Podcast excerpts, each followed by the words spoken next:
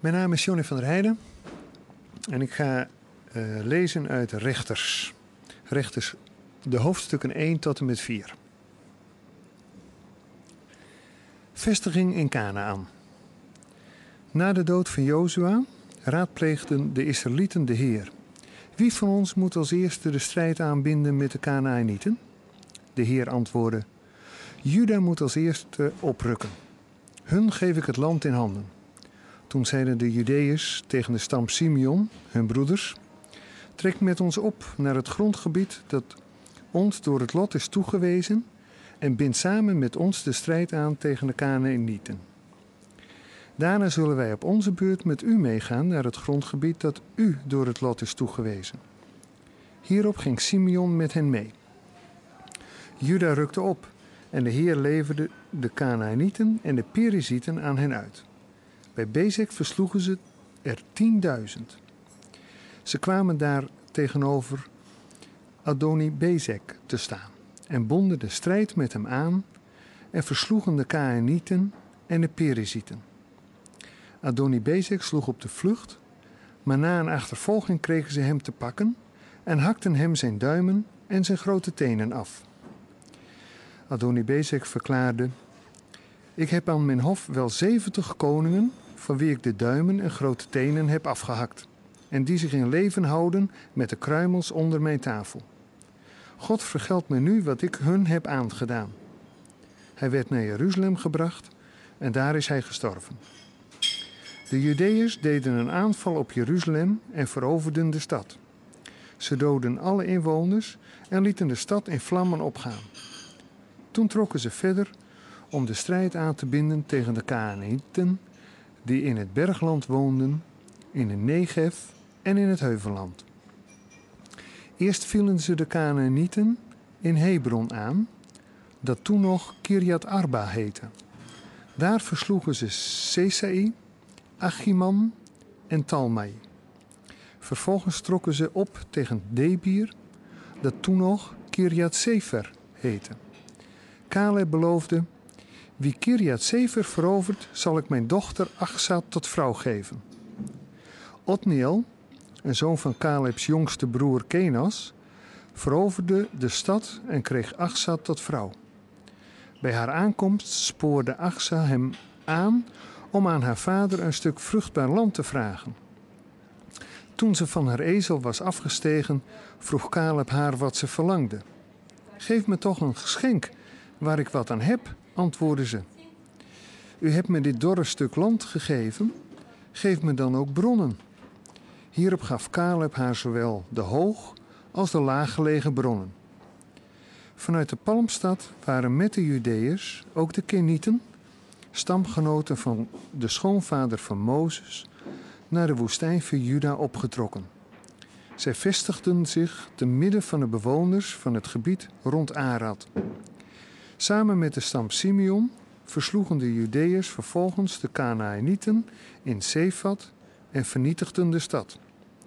Sindsdien heet de stad Gorma. Ook veroverden de Judeërs het hele gebied van Gaza, het hele gebied van Askelon en het hele gebied van Ekron. Met de hulp van de Heer maakte Judas zich meester van het bergland, maar het lukte niet om de bewoners van de laagvlakte te verdrijven, want die beschikten over ijzeren strijdwagens. Hebron werd, overeenkomstig de woorden van Mozes, toegewezen aan Caleb, die de drie zonen van Enak uit de stad verdreef. Maar de Jebusieten in Jeruzalem werden door de stad Benjamin niet verdreven. Zij woonden er tot op de dag van vandaag samen met de Benjaminieten. Ook de nakomelingen van Jozef rukten op naar Bethel en de Heer stond hen bij. Zij stuurden verkenners naar Bethel, dat vroeger Lus heette.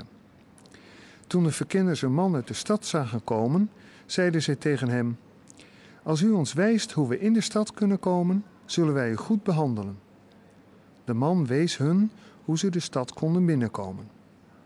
Ze doden alle inwoners, maar lieten de man met heel zijn familie in leven.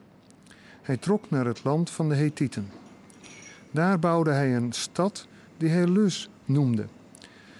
En die zo heet tot op de dag van vandaag. De stam Manasse heeft zich niet meester gemaakt van Bet-San en Ta'anach en de omliggende dorpen.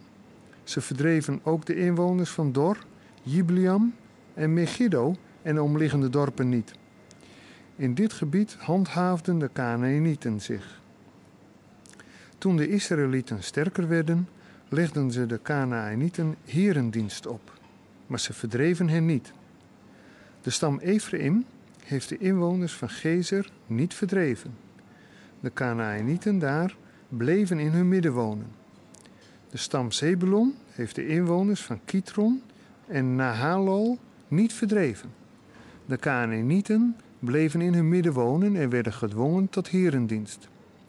De stam Azer heeft de inwoners van Akko en Sidon niet verdreven en Aglab, Achsip, Gelba, Afeb en Regob niet veroverd.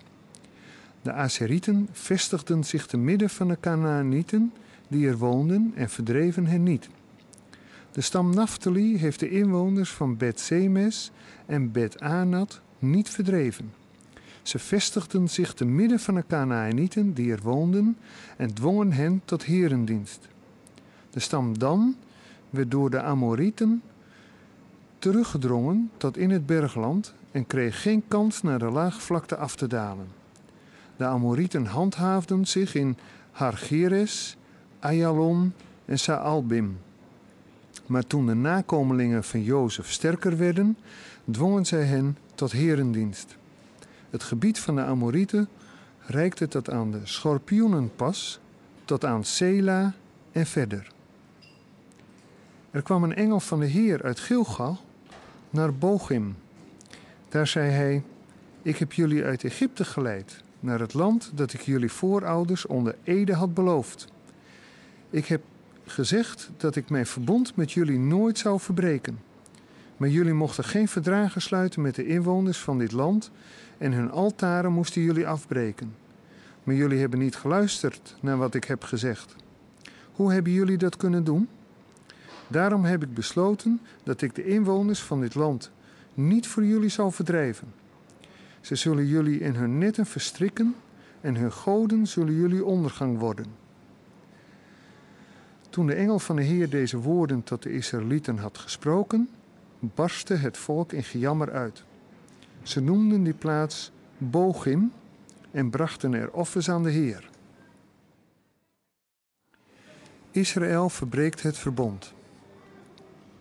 Toen Jozua de volksvergadering had ontbonden, waren de Israëlieten erop uitgetrokken om het land in bezit te nemen. Elke stam het gebied dat hun was toegewezen. Zolang Jozua leefde, had het volk de Heer gediend. Ook na zijn dood waren ze de Heer blijven dienen, zolang de stammen werden aangevoerd door Jozua's leeftijdsgenoten, die getuigen waren geweest van de grootste daden die de Heer voor Israël had verricht. Jozua, de zoon van Nun, de dienaar van de Heer, was gestorven toen hij 110 jaar oud was. Hij was begraven in het gebied dat hem was toegewezen, in Timnat Geris, in het bergland van, bergland van Ephraim, ten noorden van de Gaas. Toen ook zijn leeftijdsgenoten met hun voorouders waren verenigd, kwam er een volgende generatie die niet vertrouwd was met de Heer en, hij, en wat hij voor Israël had gedaan. De Israëlieten begonnen te doen wat slecht is in de ogen van de Heer. Ze gingen de Baals dienen. Ze keerden de Heer de rug toe.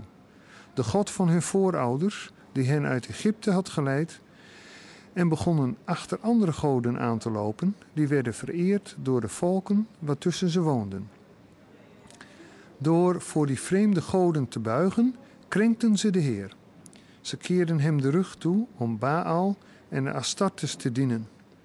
Toen ontstak de Heer in woede tegen de Israëlieten. Hij leverde hen aan, uit aan roversbenden en aan de hen omringende vijanden, zodat ze daartegen geen stand meer hielden.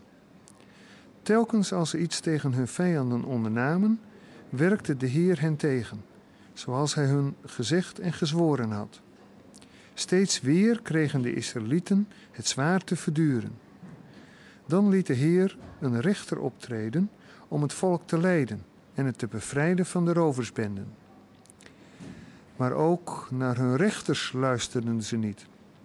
Ze gaven zich af met andere goden en bogen zich voor hen neer. Binnen de kortste keren dwaalden ze weer af van de weg die hun voorouders waren gegaan. Die hadden de geboden van de Heer gehoorzaamd, maar zij niet.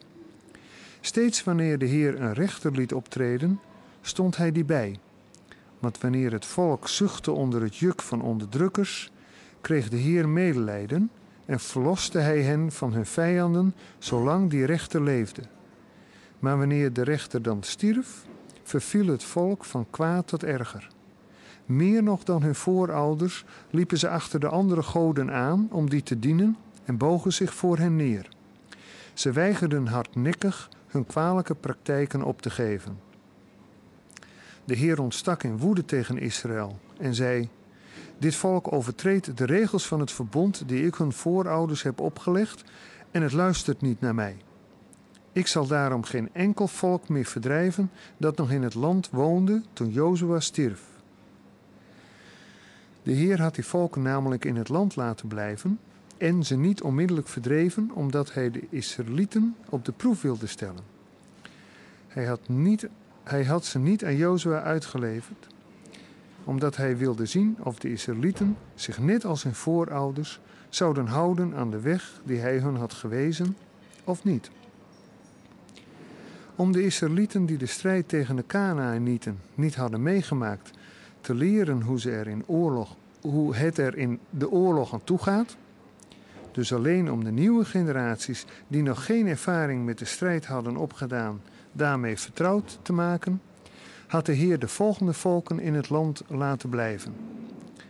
De Filistijnen in hun vijf vorstendommen en verder de Kanaanieten de Sidoniërs en de Giwieten, die in het Libanongebergte leefden. Vanaf de Baal Hermon tot aan de Lebo Hamad. Deze volken waren overgebleven om de Israëlieten op de proef te stellen, opdat de Heer te weten zou komen of zij de geboden zouden gehoorzamen die hij hun voorouders bij monden van Mozes had opgelegd.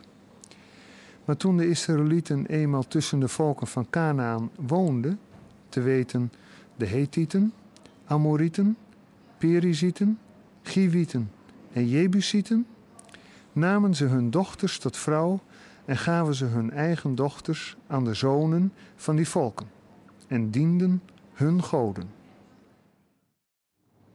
De eerste rechters, Otniel, Ehud, Samgar.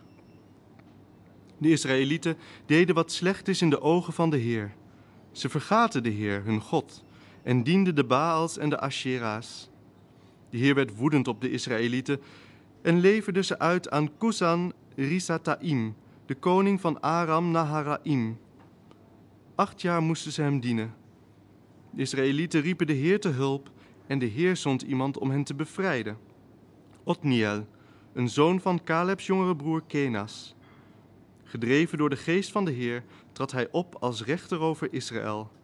Hij trok ten strijde en de Heer leverde koning Kusan Risataim van Aram aan hem uit, zodat hij hem een zware nederlaag kon toebrengen. Veertig jaar had het land rust. Toen stierf Otniel. Weer deden de Israëlieten wat slecht is in de ogen van de Heer. Daarom zette de Heer koning Eglon van Moab aan om de wapens tegen Israël op te nemen. Eglon wist ook de Ammonieten en de Amalekieten op zijn hand te krijgen. In een gezamenlijke aanval versloegen ze Israël en maakten zich meester van de Palmstad. Achttien jaar moesten de Israëlieten koning Eglon van Moab dienen. Toen riepen ze de Heer te hulp, en de Heer zond iemand om hen te bevrijden. Ehud, de zoon van Gera, uit de stad Benjamin, een linkshandige. Deze Ehud ging namens de Israëlieten een schatting afdragen aan koning Eglon. Maar eerst liet hij zich een kort tweesnijdend zwaard maken dat hij onder zijn kleding verborg op zijn rechterheup. Nadat hij de schatting aan de vatzig dikke koning Eglon had aangeboden, deed hij zijn dragers uitgeleiden. Maar zelf maakte hij bij de stenen beelden bij Gilgal rechtsomkeert. Hij liet zich bij de koning aandienen met de mededeling dat hij een geheime boodschap voor hem had. Op een wenk van de koning verlieten alle aanwezigen de zaal. Ehud ging naar de koning, die zich had teruggetrokken in de koelte van zijn bovenvertrek, en zei: Ik heb voor u een boodschap van God. Toen de koning opstond van zijn troon, trok Ehud met zijn linkerhand het zwaard van zijn rechterheup en stak het in Eglons buik. De kling verdween tussen de vetkwabben, die zich daarna ook om het gevest sloten. Want Ehud trok het zwaard niet terug, maar liep snel de kamer uit, de galerij op, nadat hij de deuren van het vertrek van binnenuit vergrendeld had. Hij was nog niet weg, of de dienaren van de koning kwamen de zaal weer binnen. Ze merkten dat de deuren van het bovenvertrek waren vergrendeld en ze zeiden tegen elkaar: Hij heeft zich zeker weer afgezonderd om zijn behoefte te doen. Ze wachten een hele tijd, maar de deuren van het vertrek werden niet geopend. Ten slotte haalden ze een sleutel en openden de deur van buitenaf. En daar lag hun heer, dood op de grond. Ehud had van hun getalm gebruik gemaakt om te ontsnappen. Hij passeerde de stenen beelden en ontkwam naar Seira. Bij zijn aankomst in het bergland van Ephraim blies hij op de ramshoorn. Onder zijn aanvoering kwamen de Israëlieten uit de bergen. Hij zei tegen hen: Volg mij, want de Heer heeft uw vijanden, de Moabieten, aan u uitgeleverd. Ze volgden hem en bezetten de oversteekplaatsen in de Jordaan, zodat er geen Moabiet meer langs kon. De Israëlieten versloegen ongeveer 10.000 Moabieten. Hoewel het stuk voor stuk stevige, strijdbare mannen waren, ontkwam er niet één. Moab moest die dag buigen voor Israël en het land had 80 jaar rust. Na Ehud kwam Samgar, de zoon van Anat. Hij doodde 600 Filistijnen met een ossemprik. Zo bevrijdde ook hij Israël. Deborah en Barak. Na de dood van Ehud deden de Israëlieten weer wat slecht is in de ogen van de Heer. Daarom leverde de Heer hen uit aan koning Jabin van Canaan. Die regeerde in Hazor. Diens legeraanvoerder heette Sisera. Hij had zijn legerkamp in Garoset Hagoyim. Jabin beschikte over 900 ijzeren strijdwagens en heerste met harde hand over Israël, wel twintig jaar lang. Daarom riepen de Israëlieten de Heer te hulp. In die tijd was een zekere Deborah rechter over Israël. Deze Deborah, de vrouw van Lapidot, was profetes. Ze hield zitting onder de Deborah-palm tussen Rama en Bethel, in het bergland van Ephraim. En daar kwamen de Israëlieten haar hun rechtsgeschillen voorleggen. Deborah liet Barak, de zoon van Abinoam, afkomstig uit Kedes in Naphtali, bij zich komen en zei tegen hem: De Heer, de God van Israël, gebiedt u, trek met tienduizend man uit de stammen Naphtali en Zebulon op naar de Tabor. Dan zal ik Jabins legeraanvoerder Sisera met al zijn strijdwagens en soldaten laten optrekken tot in het dal van de Kison en hem aan je uitleveren. Als u meegaat, zal ik gaan, antwoordde Barak. Maar als u niet meegaat, ga ik niet. Goed, zei Deborah, ik zal met u meegaan, maar let wel, u zult geen eer behalen aan deze veldtocht, want de Heer zal Sisera uitleveren aan een vrouw. Zo besloot Deborah met Barak mee te gaan op zijn veldtocht naar Kades. Barak riep de mannen van Zebulon en Naphtali onder de wapenen en trok aan het hoofd van tienduizend man naar Kedes op. Deborah ging met hem mee. In de buurt van Kedes had een zekere Geber zijn tenten opgeslagen bij de eik in Sa'anamin. Deze Geber was een Keniet die zich had afgescheiden van zijn stamgenoten, nakomelingen van Mozes schoonvader Gobab. Sisera kreeg bericht dat Barak de Tabor was opgegaan. Daarom riep hij zijn soldaten onder de wapenen en trok met al zijn 900 ijzeren strijdwagens en zijn hele leger vanuit Garoset Hagoyim op naar het dal van de Kison. Deborah spoorde Barak aan: Vooruit, vandaag levert de Heer Sisera aan u uit. Hij zal voor u uitgaan. Toen kwam Barak de Tabor af met tienduizend man achter zich aan. Op het moment dat de manschappen van Sisera Barak zagen, zaaide de Heer paniek onder hen en ontstond er grote verwarring. Sisera sprong van zijn wagen en maakte zich uit de voeten. Barak achtervolgde de strijdwagens en de soldaten tot in Garoset Hagoyim. Alle soldaten van Sisera sneuvelden, niet één bleef er in leven. Sisera vluchtte te voet naar de tent van Jaël, de vrouw van de Keniet Geber, want hij wist dat er een bondgenootschap bestond tussen de familie van Geber en koning Jabin van Hazor. Jaël kwam hem tegemoet en zei: Kom binnen, heer, kom binnen. Wees niet bevreesd. Hij ging bij haar de tent binnen en zij verborg hem onder een deken. Geef me wat water te drinken, vroeg hij. Ik heb zo'n dorst. Jaël opende een melkzak, gaf hem te drinken en dekte hem weer toe. Toen zei hij: Ga in de tentopening staan. Als er dan iemand komt vragen of er een man bij u is, moet u zeggen: Nee, er is hier niemand. Jaël nam een tentpin en een hamer en sloop de tent binnen. Ze sloeg, terwijl hij daar uitgeput in slaap lag, de tentpin dwars door zijn hoofd de grond in, zodat hij stierf. Op dat moment kwam Barak eraan, op jacht naar Sisera. Jaël ging hem tegemoet en zei: Kom, ik zal u de man laten zien die u zoekt. Barak ging met haar naar binnen, en daar lag Sisera, dood, met de tentpin door zijn hoofd. Zo bracht God, koning Jabin van Canaan, in zijn strijd met de Israëlieten een zware nederlaag toe. Daarna wist Israël koning Jabin steeds verder terug te dringen, totdat ze hem hadden vernietigd. Ik ben Leni Steehouwer en ik ga voor u lezen Rechters 5 tot hoofdstuk 7, vers 23. Die dag zongen Deborah en Barak, de zoon van Abinoam, dit lied. Loof de Heer, omdat Israël zijn haren dreigend loswierp. Loof de Heer, omdat Israël zich meldde voor de strijd. Koningen en vorsten, luister en hoor toe hoe ik de Heer bezing. Een lied zing voor de Heer, de God van Israël. Heer, de aarde beefde toen u voortschreed vanuit Seir. Toen u optrok vanuit Edom, stortte water uit de hemel en de wolken neer. Voor de heerser van de Sinaï wankelden de bergen. Voor u, Heer, u, de God van Israël.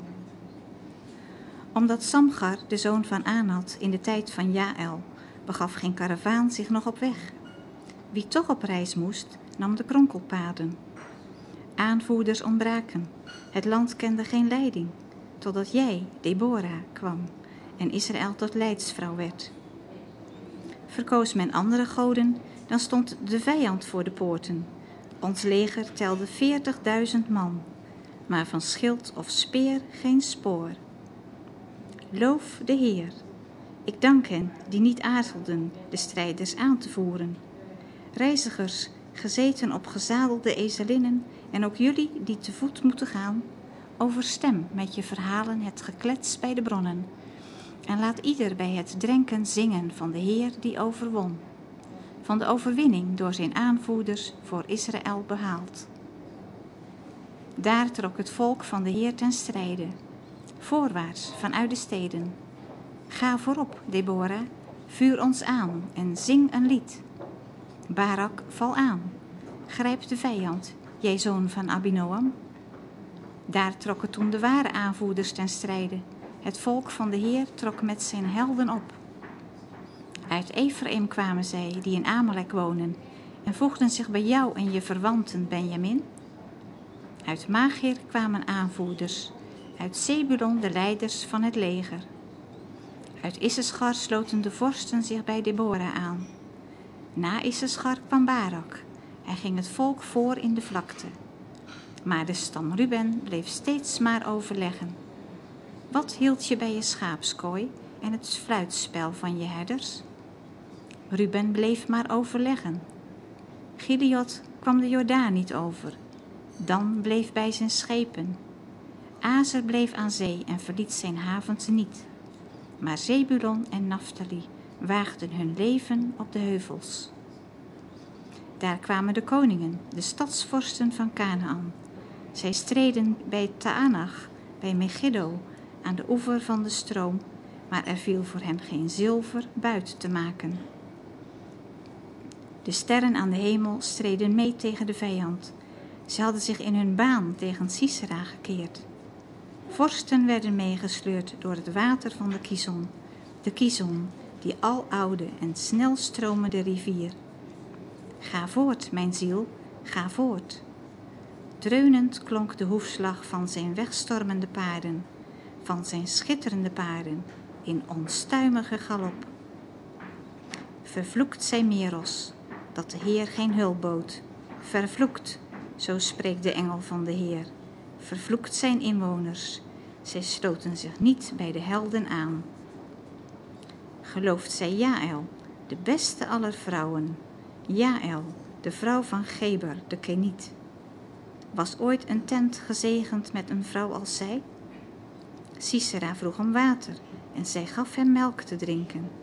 Room bracht ze hem te drinken in een rijk versierde schaal. Met één hand vatte ze een tentpin, met de andere een hamer. Ze dreef de tentpin door zijn slaap, spleet met een hamerslag zijn hoofd. Aan haar voeten viel hij neer, bezweek hij en bleef liggen. Aan haar voeten bezweek hij, daar viel hij neer. Waar hij bezweek, daar bleef hij liggen, verpletterend verslagen. Aan haar venster stond zijn moeder. Ze tuurde en ze klaagde. Waar blijft zijn wagen toch? Klinkt het geratel van de wielen al? De wijste van haar vrouwen gaf haar antwoord en zei haar wat ze zelf reeds had bedacht. Wellicht zijn ze nog bezig om hun schatten te verdelen. Elke man een meisje, of misschien wel twee. En voor Sisera gekleurde stoffen met borduursel stoffen met borduursel waarmee hij zijn schatjes tooit. Heer, laat zo al uw vijanden ten onder gaan en maak wie u liefhebben onstuitbaar als de opgaande zon. Veertig jaar had het land rust. Maar de Israëlieten deden wat slecht is in de ogen van de Heer. En daarom leverde hij hen uit aan het volk van Midjan, dat hen zeven jaar achtereen kwam plunderen. Uit angst voor de Midjanieten richtten de Israëlieten in bergspleten, grotten en op andere moeilijk bereikbare plekken schuilplaatsen in. Elk jaar, wanneer het gewas op het veld stond, kwamen de Midjanieten, de Amalekieten en nog andere woestijnvolken uit het oosten aanzetten en vielen ze Israël binnen. Ze sloegen er hun tenten op en vernietigden de oogsten tot helemaal in Gaza. Niets lieten ze voor de Israëlieten over om van te leven, nog geen schaap, geen rund en geen ezel. Als een zwerm sprinkhanen kwamen ze aanzetten met hun vee en hun tenten, een onafzienbare massa mensen en kamelen die het land binnenviel en alles verwoestte. Door toedoen van Midjan verviel Israël tot bittere armoede en het volk riep de Heer te hulp. Toen de Israëlieten de Heer tegen de Midjanieten te hulp riepen, stuurde hij een profeet die hun zei: Dit zegt de Heer, de God van Israël. Ik ben het die jullie uit Egypte heeft geleid. Ik heb jullie verlost uit de slavernij. Ik heb jullie bevrijd uit de greep van de Egyptenaren en van de volken die jullie hier bedreigden. Die heb ik voor jullie weggejaagd en ik heb jullie het land gegeven. En ik heb jullie gezegd: ook al wonen jullie nu in het land van de Amorieten, hun goden mogen jullie niet vereren, want ik, de Heer, ben jullie God. Maar jullie hebben niet geluisterd naar wat ik zei. Toen kwam er een engel van de Heer. Hij nam plaats onder de terebint bij Ofra op het land van Joas, een afstammeling van Abiezer. Joas' zoon Gideon was juist bezig tarwe te dorsen. Om te zorgen dat de Midjanieten de tarwe niet zouden zien, deed hij dat in de wijnpers. De engel van de Heer vertoonde zich aan hem en zei: De Heer zij met je, dappere krijgsman. Mag ik vragen, antwoordde Gideon, als de Heer ons werkelijk bijstaat, waarom overkomt ons dit dan allemaal? Waar blijft hij dan met zijn wonderbaarlijke daden, waarover onze voorouders hebben verteld? Uit Egypte heeft hij ze geleid, zeiden ze toch? Nu trekt hij zich in elk geval niets van ons aan en zijn we overgeleverd aan de Midjanieten. Toen wendde de Heer zich tot Gideon en zei: Toon je moed en bevrijd Israël. Dat is mijn opdracht. Mag ik vragen, antwoordde Gideon, hoe zou ik Israël kunnen bevrijden? Mijn familie heeft in onze stam, Manasse, niets in te brengen en ikzelf ben de jongste van de familie. De Heer antwoordde: Dat kun je, omdat ik je bijsta. Je zult de Midjanieten verslaan, alsof je met niet meer dan één man te doen had. Toen zei Gideon: Heer, als u het bent die tot mij spreekt en ik uw gunst geniet, geef me dan een teken. Gaat u vooral niet weg. Ik wil iets halen om u aan te bieden. Goed, antwoordde de Heer. Ik blijf hier totdat je terugkomt. Gideon ging snel naar huis, maakte een geitenbokje klaar en bakte ongedeesmd brood van een eva tarwebloem. Hij legde het vlees in een mand en goot het kookvocht in een kom, bracht het naar degene die onder de terebint zat te wachten en bood het hem aan. De engel van God zei tegen hem: Leg het vlees en de broden hier op dit rotsblok en giet het kookvocht erover uit. Gideon deed wat van hem gevraagd was. Toen raakte de engel van de Heer met het uiteinde van zijn staf het voedsel aan en meteen leidde er een vuur uit het rotsblok op dat het vlees en de broden verteerde.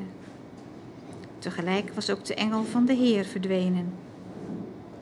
Toen begreep Gideon dat het een engel van de Heer was geweest en hij riep uit: Nee, Heer, nee, mijn God, ik heb oog in oog gestaan met een engel van de Heer.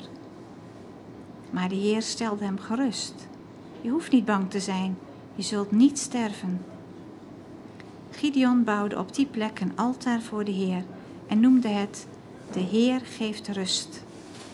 Tot op de dag van vandaag staat het altaar op het land van de afstammelingen van Abiezer in Ofra. Diezelfde nacht zei de Heer tegen Gideon: Neem de stier van je vader, dat prachtbeest dat nu al zeven jaar gespaard is. Sloop het altaar dat je vader voor Baal heeft opgericht en hak de Asherah-paal die ernaast staat om. Bouw voor de Heer, je God, een altaar op het hoogste punt van het ommuurde terrein, zoals het hoort. Maak met het hout van de omgehakte Asherah-paal een vuur om de stier te offeren. Gideon nam tien van zijn knechten mee en deed wat de Heer hem had opgedragen. Uit vrees voor zijn familie en stadsgenoten durfde hij het niet overdag te doen en daarom deed hij het s'nachts. De volgende ochtend zagen de inwoners van de stad dat het altaar van Baal was afgebroken en dat de Asherah-paal ernaast was omgehakt. Ze zagen ook dat de stier was geofferd en wel op een nieuw altaar. Ze vroegen zich af wie dat gedaan kon hebben en na enig onderzoek kwamen ze erachter dat Gideon, de zoon van Joas, de schuldige was. Toen eisten ze van Joas: Lever uw zoon aan ons uit. Hij moet sterven, want hij heeft het altaar van Baal gesloopt en de Asherah-paal omgehakt. Maar Joas zei tegen de mensen die bij zijn huis te hoop waren gelopen: U wilt het voor Baal opnemen? U wilt hem te hulp komen? Wie het voor Baal opneemt, zal nog voor de ochtend sterven. Als Baal een god is, zal hij wel voor zichzelf opkomen wanneer iemand zijn altaar heeft gesloopt. En hij gaf Gideon de naam Jerubaal en zei: Laat Baal het maar tegen hem opnemen, omdat hij zijn altaar heeft gesloopt. Weer sloten de Midjanieten, de Amalekieten en andere woestijnvolken uit het oosten zich aaneen. Ze staken de Jordaan over en sloegen hun tenten op in de vallei van Jezreel. Toen kwam de geest van de Heer over Gideon. Hij blies op de ramshoorn om de afstammelingen van Abiezer onder de wapenen te roepen en zond boden naar het gebied van Manasse om daar iedereen op te roepen. Hij stuurde ook boden naar de stammen Aser, Zebulon en Naphtali, en ook die voegden zich bij hem. Toen zei Gideon tegen God: Ik wil graag weten of het werkelijk uw bedoeling is door mijn toedoen Israël te bevrijden, zoals u hebt gezegd. Daarom leg ik hier op de dorsvloer een wollen vacht.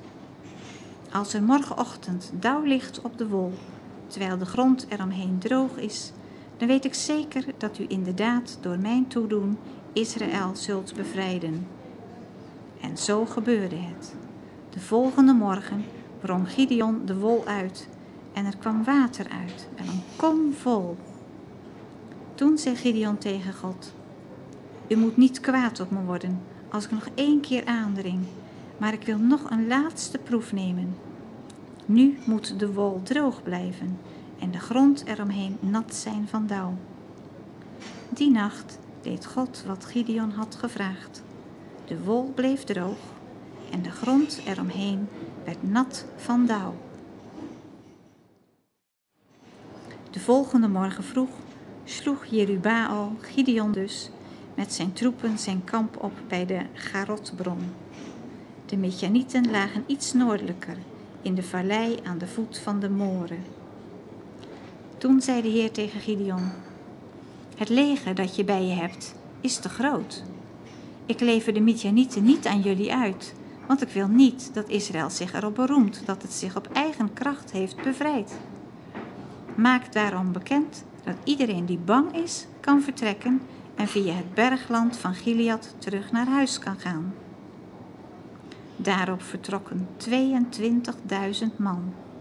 10.000 bleven er over.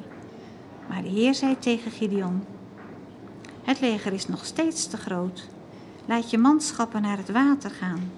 Daar zal ik voor jou een keus uit hen maken. Ik zal je zeggen wie er met je mee moeten gaan en wie niet. Gideon liet de mannen naar het water gaan en de Heer zei tegen hem: Degene die het water met hun tong oplikken, zoals honden doen, die moet je apart zetten van degenen die knielen om te drinken. Driehonderd man likten het water op met hun tong. De overigen knielden om te drinken.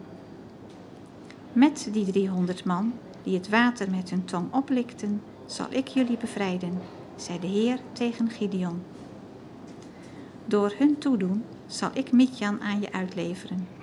De rest van het leger kan naar huis terugkeren.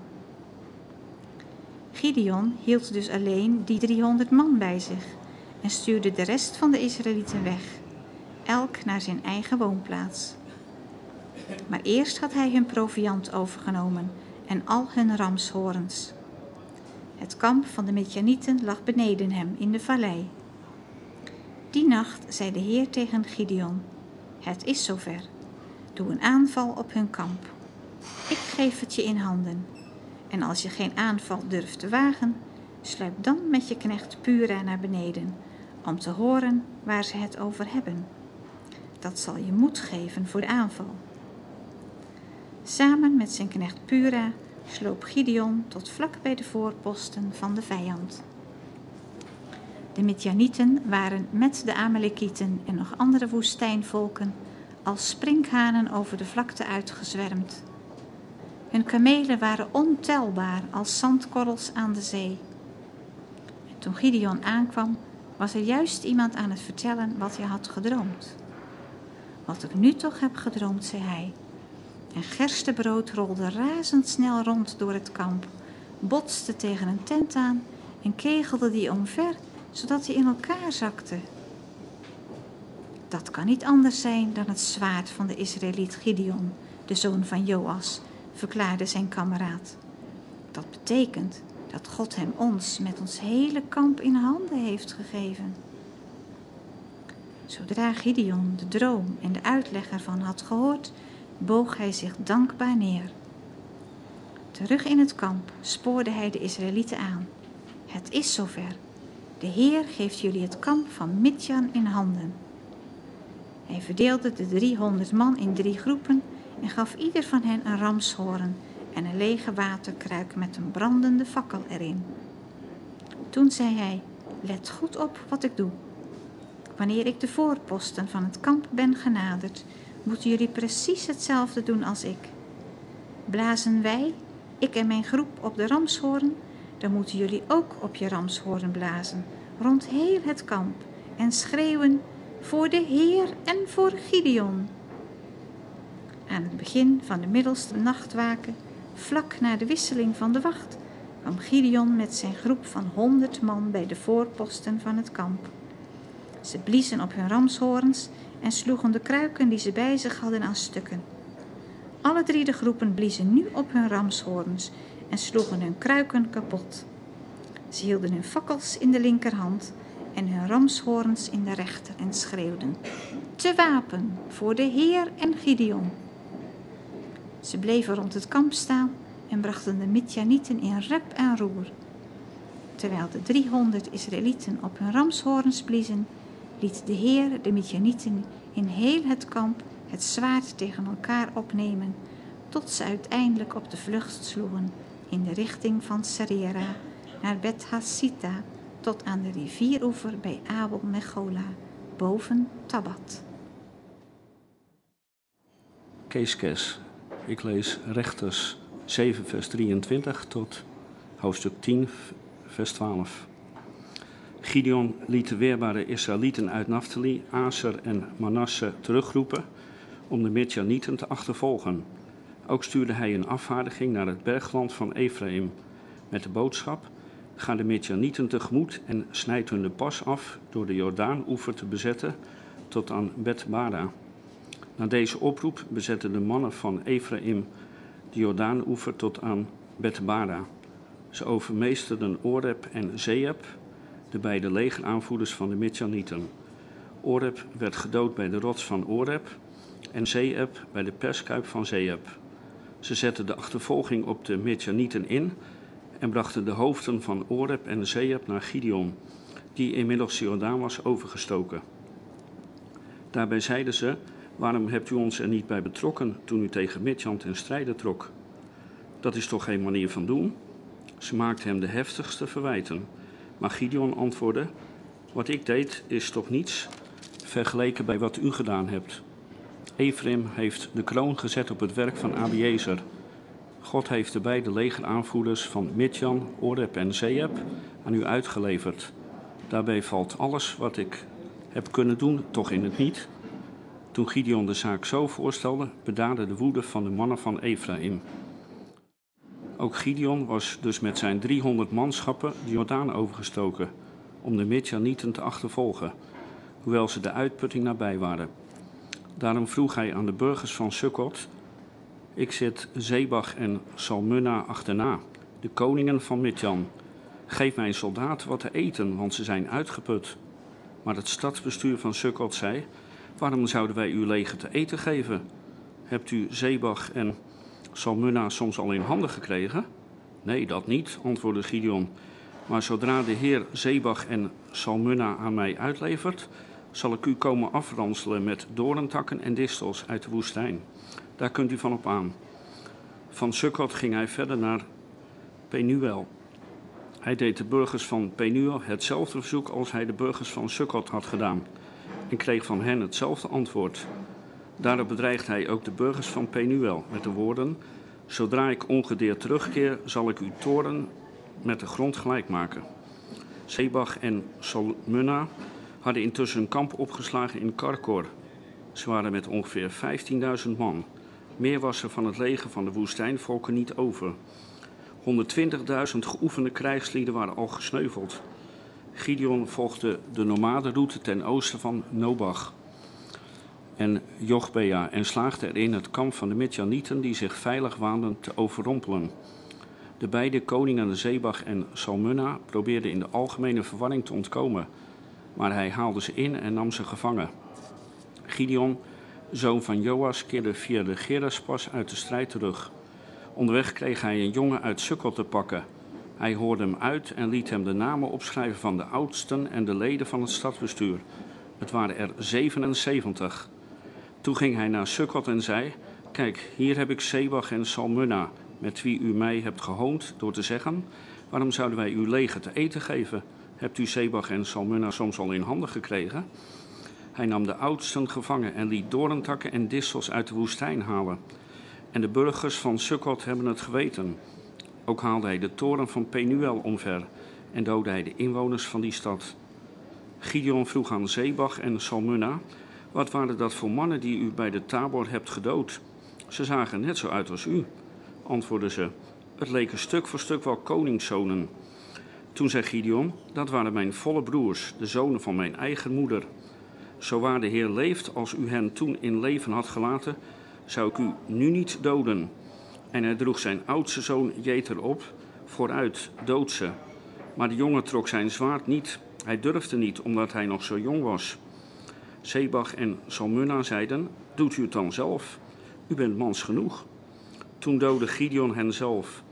De gouden maantjes die de nek van hun kamelen sierden, nam hij mee. De Israëlieten zeiden tegen Gideon, u hebt ons bevrijd uit de greep van Midjan. Wees daarom onze heerser, en na u uw zoon en de zoon van uw zoon. Maar Gideon antwoordde, ik zal uw heerser niet zijn, en mijn zoon zal uw heerser niet zijn, want de Heer is uw heerser. Maar ik wil u iets anders vragen. Laat ieder mij een ring geven uit de buit die hij op de Midjanieten heeft behaald. Deze afstammelingen van Ismaël droegen hun rijkdommen immers in de vorm van gouden sieraden bij zich. Maar natuurlijk antwoordden ze, en er werd een mantel uitgespreid, waarin iedereen een ring wierp. De gouden ringen die hij van de Israëlieten ontving, wogen samen wel 1700 shekel. Daar kwamen dan nog bij de gouden maantjes en oorringen en de purperen mantels van de Midjanitische koningen en de halssieraden van hun kamelen. Gideon liet van dit alles een priestergewaad maken. Hij gaf het een plaats in Ofra, waar heel Israël het als een afgod kan vereren. Dit zou uiteindelijk leiden tot de ondergang van Gideon en zijn familie. Midjan kwam de nederlaag niet meer te boven en moest het hoofd buigen voor Israël. Onder Gideon had het land 40 jaar rust. Gideon zelf, de zoon van Joas, die ook wel Jerubaal wordt genoemd, ging weer in Ofra wonen. Hij verwekte 70 zonen, want hij had vele vrouwen. Een van zijn bijvrouwen woonde in Sichem. Ook zij schonk hem een zoon, en die gaf hij de naam Abimelech. Gideon, de zoon van Joas, stierf op hoge leeftijd. Hij werd bijgezet in het graf van zijn vader Joas in Ofra, waar de afstammelingen van Abiezer wonen. Na de dood van Gideon begonnen de Israëlieten opnieuw achter de Baals aan te lopen. Ze verhieven de Baal Beret tot God en vergaten de Heer hun God die hen had bevrijd van de hen omringende vijanden. Ook bewezen ze de familie van Jerubaal niet de verschuldigde dankbaarheid voor al het goede dat hij, Gideon, voor Israël had gedaan. Abimelech, de zoon van Jerubaal, ging naar Sichem, waar de familie van zijn moeder woonde, en zei tegen zijn ooms en zijn neven, leg de burgers van Sichem de vraag voor wie ze liever als heerser hebben, de zeventig zonen van Jerubaal gezamenlijk of één man, die bovendien hun bloedverwant is. Toen zijn ooms zijn vraag voorlegden aan de burgers van Sichem, spraken die hun voorkeur uit voor Abimelech, met als argument dat hij familie van hen was. Ze gaven hem 70 shekel uit de tempel van Baal Beret. Met dat geld huurde Abimelech een legertje gewetenloze avonturiers. Daarmee ging hij naar Ofra, naar het huis van zijn vader, waar hij zijn broers, de 70 zonen van Jerubaal, stuk voor stuk ter dood bracht op één en dezelfde steen.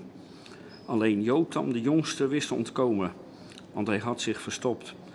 Daarop kwamen de burgers van Sichem en Bet Millo bij de eik, bij het gedenkteken in Sichem, bijeen en riepen Abimelech tot koning uit. Toen Jotam dit vernam, ging hij de Gerisim op en riep met stemverheffing vanaf de top: Hoor mij aan, burgers van Sichem, en God zal u verhoren. Eens gingen de bomen erop uit om een koning te kiezen. Ze vroegen de olijfboom: Wilt u onze koning zijn? Maar de olijfboom antwoordde: Zou ik ophouden mijn olie af te staan, waarmee mensen en goden worden vereerd, om wat te wuiven boven de andere bomen uit? Toen vroegen ze het aan de vijgenboom: En u, wilt u onze koning zijn?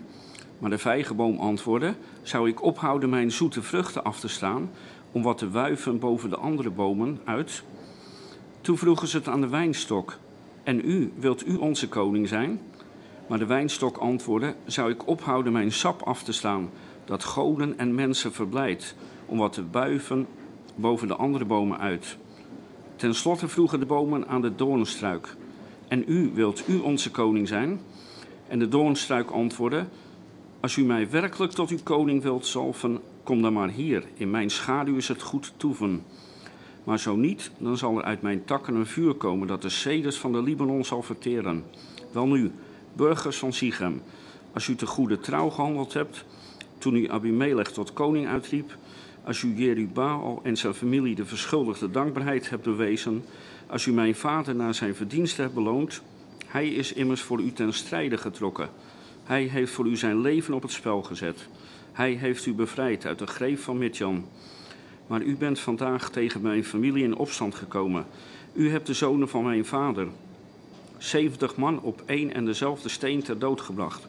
U hebt Abimelech, de zoon van zijn slavin, tot uw koning uitgeroepen, omdat hij familie van u is. Als u kortom vandaag de goede trouw gehandeld hebt ten opzichte van Jerubaal en zijn familie, dan wens ik u veel geluk met Abimelech en hem met u. Maar zo niet, dan zal er uit Abimelech een vuur komen dat de burgers van Sichem en Bet Millo zal verteren. En er zal uit de burgers van Sichem en Bet Millo een vuur komen dat Abimelech zal verteren. Daarop nam Jotam de vlucht. Hij week uit naar Beer en bleef daar wonen, buiten bereik van zijn broer Abimelech. Drie jaar had Abimelech het in Israël voor het zeggen. Toen zaaide God oneenigheid tussen Abimelech en de burgers van Sichem, zodat de burgers van Sichem hun belofte van trouw aan Abimelech braken. Dat was om de moord op de zeventig zonen van Jerubaal te wreken op een broer Abimelech die hen had gedood en op de burgers van Sichem die hem daarbij hadden geholpen. Om Abimelech te benadelen lieten de burgers van Sichem een groep mannen zich hoog in de bergen verdekt opstellen. Vanuit een hinderlaag beroofden die iedereen die daar langskwam. Dit kwam Abimelech ter oren. In diezelfde tijd kwam Gaal, de zoon van Ebed, met zijn verwanten in Sichem aan. En de burgers van Sichem schonken hem hun vertrouwen. Ze gingen weer naar hun wijngaarden, plukten de druiven en persten die uit. Daarna hielden ze een oogstfeest. En tijdens het feestmaal in de tempel van hun God begonnen ze Abimelech te beschimpen. Gaal zei: Wie is die Abimelech eigenlijk? Waarom zou een stad als Sichem onderworpen zijn aan de zoon van Jerubaal en Zebel, zijn gevolmachtigde? Zouden wij er niet beter aan doen de nakomelingen van Gamor te dienen, de vader van Sichem, in plaats van Abimelech? Als ik het hier voor het zeggen had, zou ik Abimelech afzetten. Ik zou tegen hem zeggen: Kom maar op met je leger, hoe groot het ook is. Zebel, de stadscommandant van Sichem, werd woedend bij het horen van deze woorden.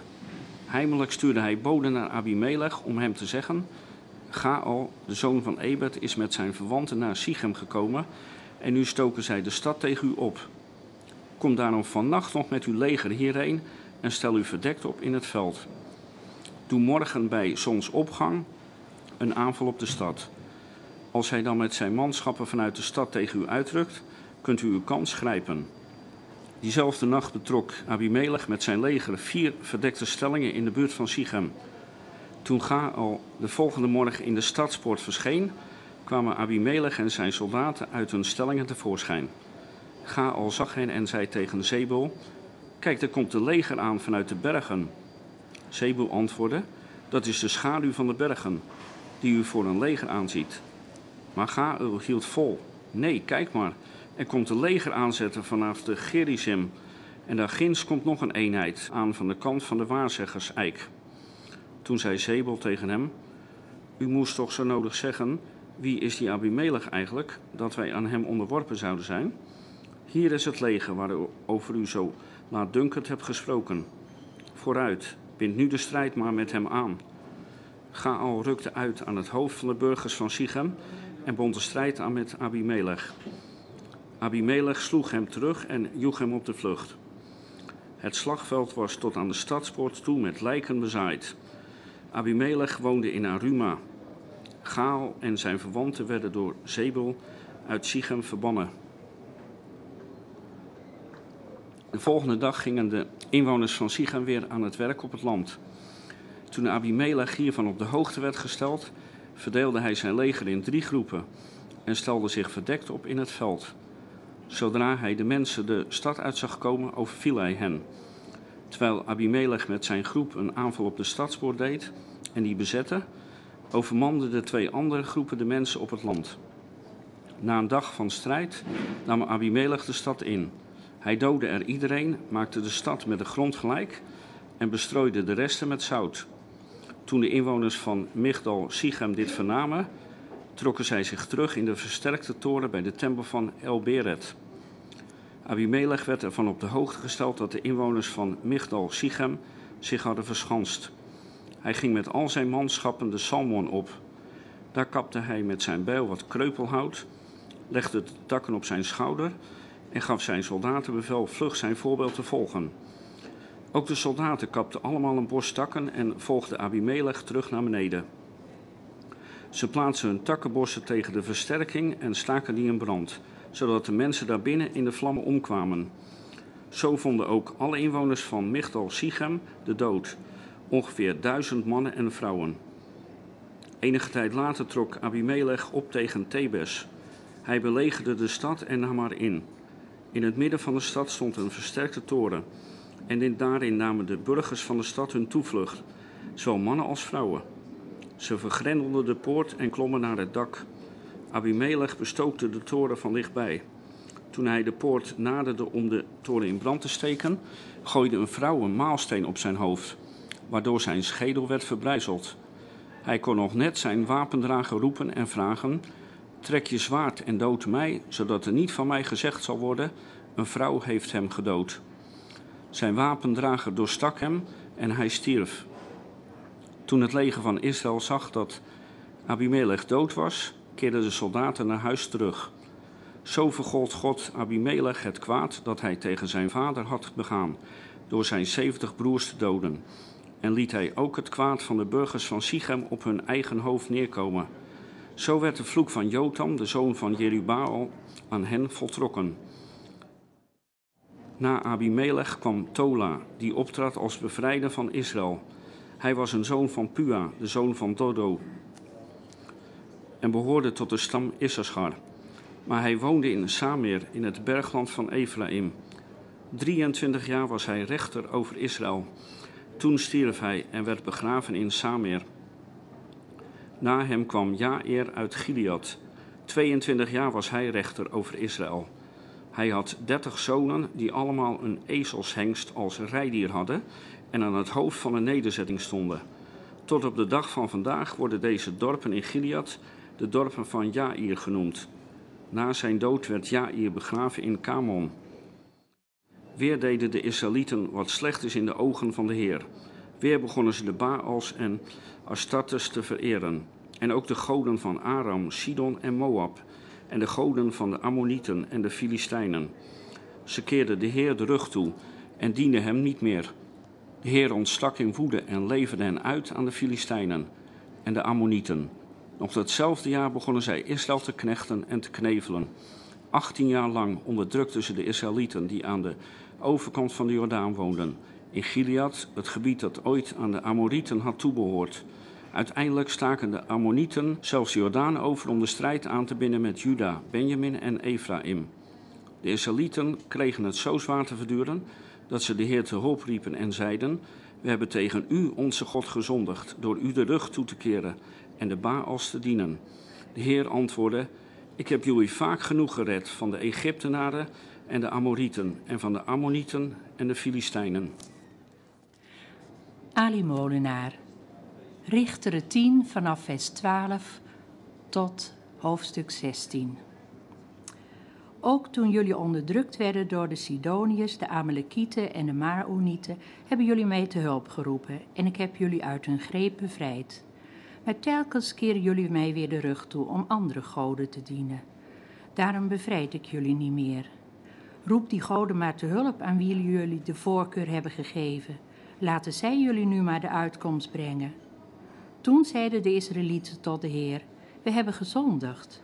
Doe met ons wat u goed dunkt. Alleen bevrijd ons nog deze ene keer. En ze deden de vreemde goden weg en dienden de Heer. Toen kon de Heer niet langer aanzien hoe moeilijk Israël het had. De Ammonieten brachten een leger op de been en sloegen hun kamp op in Gilead. De Israëlieten verzamelden zich en sloegen hun kamp op in Mispa. De leiders van Gilead zeiden tegen elkaar: Degene die als eerste de strijd durft aan te binden met de Ammonieten, komt aan het hoofd te staan van heel Gilead. Nu was er in die tijd een zekere Jefta, een krijgshaftig man afkomstig uit Gilead. Hij was door zijn vader Gilead verwekt bij een hoer. Maar Gilead had ook zonen bij zijn eigen vrouw. Toen die volwassen waren, hadden ze Jefta weggejaagd met de woorden: Jij krijgt geen erfdeel uit het bezit van onze vader, want je bent de zoon van een andere vrouw. Jefta had voor zijn broers de wijk moeten nemen en zich gevestigd in Top. Daar sloot zich een stel avonturiers bij hem aan, die met hem erop uittrokken. Enige tijd nadat de Ammonieten hun kamp hadden opgeslagen in Gilead, bonden ze de strijd aan met Israël. Toen de oorlog eenmaal was uitgebroken, gingen de oudsten van Gilead naar Top om Jefta terug te halen. Kom terug, zeiden ze tegen hem, en wees onze aanvoerder in de strijd tegen de Ammonieten. Maar Jefta zei: Uit minachting hebt u mij uit het huis van mijn vader verdreven, en nu u in het nauw zit, komt u bij mij? U hebt gelijk, antwoordde de oudste van Gilead. Maar nu willen we ons met u verzoenen. Als u met ons meegaat en de strijd aanbindt met de Ammonieten, komt u aan het hoofd te staan van heel Gilead. Jefta antwoordde: Als u me terughaalt om de strijd aan te binden met de Ammonieten en als de Heer ze in mijn macht geeft, mag ik dus uw leider zijn? Daar kunt u op rekenen, zwoeren ze. Het zal gebeuren zoals u zegt. De Heer is onze getuige. Jefta ging met de oudste mee naar Gilead waar hij door het volk tot aanvoerder en leider werd aangesteld. In de mispa herhaalde hij ten overstaan van de Heer nog eens alles wat hij had gezegd. Jefta stuurde gezanten naar de koning van de Ammonieten met de vraag: Wat bezielt u om mij op mijn eigen grondgebied aan te vallen? De koning van Ammon antwoordde de afgezanten van Jefta: Dat weet u heel goed. Israël heeft toen het uit Egypte wegtrok land van mij in bezit genomen het hele gebied vanaf de Arnon tot aan de Jabok en de Jordaan. Ik raad u aan mij dat nu zonder slag of stoot terug te geven. Toen stuurde Jefta opnieuw gezanten naar de koning van de Ammonieten. Ditmaal moesten ze de volgende boodschap overbrengen. Dit zegt Jefta. Israël heeft nooit land van de Moabieten of de Ammonieten afgenomen. Zo is het gegaan. Toen de Israëlieten weggingen uit Egypte, trokken ze door de woestijn naar de Rietzee en kwamen daarna bij Kades. Israël stuurde gezanten naar de koning van Edom met het verzoek of ze door zijn land mochten trekken, maar hij gaf daaraan geen gehoor. Aan de koning van Moab werd hetzelfde verzoek voorgelegd, maar ook hij wilde het niet in. Dus moest Israël in Kades blijven. Ten slotte kozen ze hun weg door de woestijn om het gebied van Edom en Moab heen, ze bleven ten oosten van Moab en sloegen hun tenten op aan de overkant van de Arnon. Ze zijn dus nooit op het grondgebied van Moab geweest, want ze zijn de grensrivier, de Arnon, niet overgestoken. Vervolgens stuurde Israël gezanten naar Gesbon, naar koning Sigon van de Amorieten, met het verzoek of ze over zijn grondgebied naar hun eigen land mochten trekken. Sigon vertrouwde Israël echter niet van binnen zijn grenzen. Hij verzamelde zijn troepen, sloeg zijn kamp op in Jahas en deed een aanval op Israël. Maar de Heer, de God van Israël, leverde Sigon met zijn hele leger aan Israël uit, zodat ze werden verslagen. Israël nam het hele gebied in bezit dat aan de Amorieten had toebehoord. Ze namen al het land van de Amorieten in bezit, het hele gebied van de Arnon tot aan de Jabok en van de woestijn tot aan de Jordaan. Welnu, de Heer, de God van Israël, heeft de Amorieten voor zijn eigen volk verdreven. En u meent aanspraak te kunnen maken op hun bezit? Nee. Wat u dankzij uw God Chemos in bezit hebt gekregen, kunt u uw eigendom noemen. Maar het bezit van degene die de Heer, onze God, voor ons verdreven heeft, is ons eigendom. Bent u soms meer dan koning Balak van Moab, de zoon van Sippor? Heeft hij ons ooit ons grondgebied betwist en ons daarom aangevallen? De Israëlieten wonen nu al 300 jaar in Gesbon en Aroer en de omliggende dorpen en in de steden langs de Arnon. Waarom hebben de Ammonieten dan niet eerder geprobeerd dat gebied te bevrijden? Ik heb u niets misdaan, maar u doet mij onrecht door mij aan te vallen. Laat de Heer, de hoogste rechter, vandaag recht spreken tussen de Israëlieten en de Ammonieten. Maar de koning van de Ammonieten trok zich niets aan van de boodschap die Jefta hem had laten overbrengen. Toen werd Jefta gegrepen door de geest van de Heer. Hij trok door heel Gilead en Manasse, ging daarna weer terug naar Mispa in Gilead en trok van daarop tegen de Ammonieten.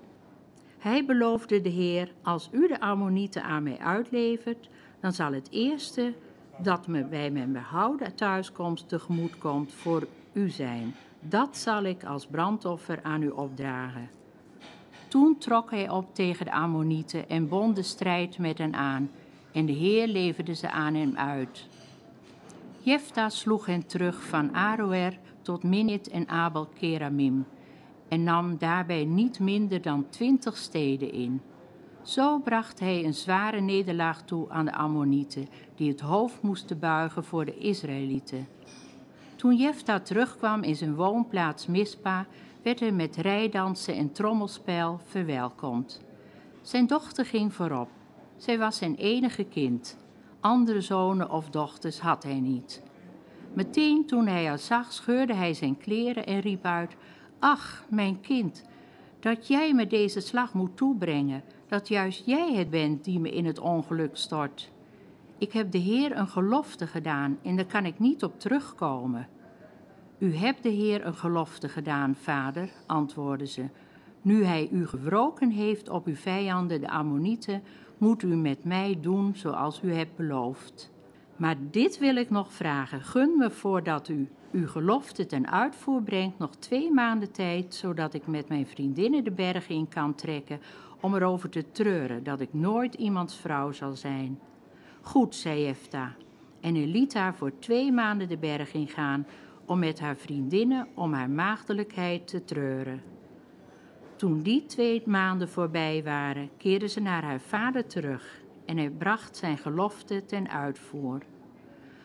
Nooit had ze met een man geslapen. Sindsdien is het in Israël de gewoonte dat de jonge meisjes elk jaar vier dagen lang rouw klagen om Jefta's dochter. De Ephraimieten brachten een leger op de been en staken de Jordaan over naar Safon. Waarom bent u tegen de Ammonieten opgetrokken zonder ons erbij te betrekken? wilden ze van Jefta weten. We zullen u met huis en al verbranden. Jefta antwoordde hun: Toen mijn volk en ik in oorlog waren met de Ammonieten, heb ik u opgeroepen, maar u bent niet te hulp gekomen. Dus toen ik merkte dat er van uw kant geen hulp te verwachten was, ben ik met gevaar voor eigen leven zelf tegen de Ammonieten ten strijde getrokken. En de Heer heeft ze aan mij uitgeleverd. Waarom valt u mij dan nu aan? Daarop riep hij alle mannen van Gilead op, bond de strijd aan met de Ephraimieten en versloeg hen. De Ephraimieten hadden namelijk gezegd: Jullie zijn niet anders dan een stel gevluchte Ephraimieten. Gilead hoort bij Manasse en dus evengoed bij Ephraim. Daarna bezetten de Gileadieten de oversteekplaatsen van de Jordaan om de Ephraimieten de terugtocht te beletten. Wanneer een Ephraimiet die wilde vluchten vroeg of hij de rivier mocht oversteken, vroegen ze hem: Kom je uit Ephraim? Dat ontkende hij natuurlijk. Maar dan vroegen ze: Zeg eens Tjibbelet. Als hij dan Sibbelet zei en het woord dus niet goed uitsprak, grepen ze hem en doden ze hem ter plekke. Op die dag sneuvelden al met al 42.000 Ephraimieten. Zes jaar was de Gileadiet Jefta rechter over Israël. Toen stierf hij en werd begraven in zijn woonplaats in Gilead. Na Jefta was Ibsan uit Bethlehem rechter over Israël. Hij had dertig zonen. Zijn dertig dochters huwelijkte hij buiten zijn eigen familie uit. En ook voor zijn zonen koos hij dertig bruiden van buiten de familie. Zeven jaar leidde hij Israël. Toen stierf hij en werd begraven in Bethlehem. Na hem was Elon uit de stam Zebulon rechter over Israël. Tien jaar leidde hij het land. Toen stierf hij en werd begraven in Ayalon in Zebulon. Na hem was Abdon, de zoon van Hillel uit Piraton, rechter over Israël. Hij had veertig zonen en dertig kleinzonen, die allemaal een ezelshengst als rijdier hadden. Acht jaar leidde hij Israël. Toen stierf hij en werd begraven in Piraton in Ephraim, in het bergland dat ooit aan de Amalekieten had toebehoord. Weer deden de Israëlieten wat slecht is in de ogen van de Heer. Daarom leverde de Heer hen veertig jaar lang over aan de Filistijnen.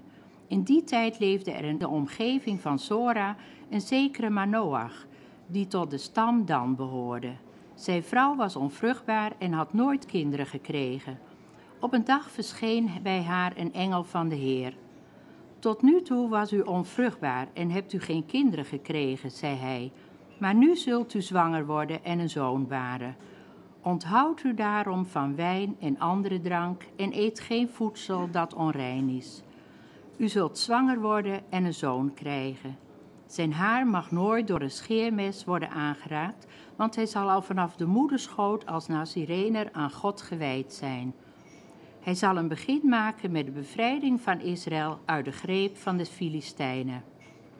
De vrouw ging naar haar man en vertelde hem dat er een godsman bij haar was geweest. Hij zag er bijzonder ontzagwekkend uit, zei ze. Het leek wel een engel van God. Ik heb hem niet gevraagd waar hij vandaan kwam en hij heeft mij zijn naam niet gezegd. Hij zei tegen me dat ik zwanger zou worden en een zoon zou krijgen. Van nu af aan mag ik geen wijn of andere drank drinken en niets onreins eten, want onze zoon zal vanaf de moederschoot tot aan de dag van zijn dood als Nazireër aan God gewijd zijn. Maar Noach bad tot de Heer: Mag ik u vragen, Heer, laat de godsman die u gezonden hebt toch opnieuw bij ons komen om ons te vertellen wat we moeten doen wanneer de jongen eenmaal geboren is? God verhoorde hem en de engel van God kwam opnieuw naar de vrouw toe. Ze was bezig op het land, maar Noach was op dat moment niet bij haar. Ze haastte zich naar haar man. Hij is er weer, riep ze, die man die laatst bij me was. Maar Noach ging meteen met haar mee. Bij de vreemdeling aangekomen vroeg hij: Bent u degene die met mijn vrouw gesproken heeft? Inderdaad, antwoordde hij. En Manoach vroeg: Wanneer uw woorden uitgekomen zijn, hoe moet de jongen zich dan gedragen en wat moet hij doen? De engel van de Heer antwoordde: Uw vrouw moet zich onthouden van alle dingen die ik heb genoemd. Ze mag niet eten van de vruchten van de wijnstok en geen wijn of andere drank drinken, of iets eten dat onrein is. Ze moet zich nauwkeurig houden aan wat ik haar heb opgedragen. Toen zei Manoach tegen de engel van de Heer: Wij zouden graag zien dat u nog bleef, zodat we voor u een geitenbokje kunnen klaarmaken. Maar de engel van de Heer antwoordde: Ik wil nog wel even blijven, maar ik zal niet eten van wat u mij aanbiedt. Als u echter een brandoffer aan de Heer wil opdragen, mag u dat doen. Maar Noach wist nog altijd niet dat hij met een engel van de Heer te maken had. Zeg ons uw naam, vroeg hij, zodat wij u eer kunnen bewijzen wanneer uw woorden uitgekomen zijn. Maar de engel van de Heer antwoordde: Waarom vraagt u naar mijn naam? Die is voor u toch te wonderbaarlijk? Maar Noach nam een geitenbokje en wat brood en bracht dit op een rotsblok ten offer aan de Heer. Toen gebeurde er voor de ogen van Manoach en zijn vrouw iets wonderbaarlijks. In de vlam die van het altaar opschoot naar de hemel steeg de engel van de Heer op. Manoach en zijn vrouw zagen het gebeuren. Ze vielen op hun knieën en bogen zich diep voorover. De engel van de Heer zou zich niet meer aan hen laten zien. Nu besefte Manoach dat een engel van de Heer was geweest. Hij zei tegen zijn vrouw: We hebben God gezien. Dat wordt onze dood.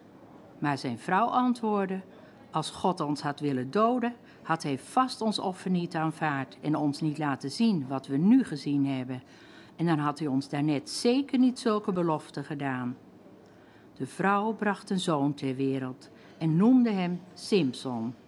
De jongen genoot de zegen van de Heer en groeide voorspoedig op. Tussen Sora en Estao, waar de Danieten hun tenten hadden opgeslagen, werd hij voor het eerst door de geest van de Heer tot daden aangezet. Op een keer ging Simson naar Timna. Daar viel zijn oog op een Filistijns meisje. Toen hij thuis kwam, vertelde hij zijn ouders: Ik heb in Timna een Filistijns meisje gezien. Ik zou willen dat u haar voor mij ten huwelijk vraagt. Met zijn ouders zeiden: Waarom zoek je een bruid bij die onbesneden Filistijnen?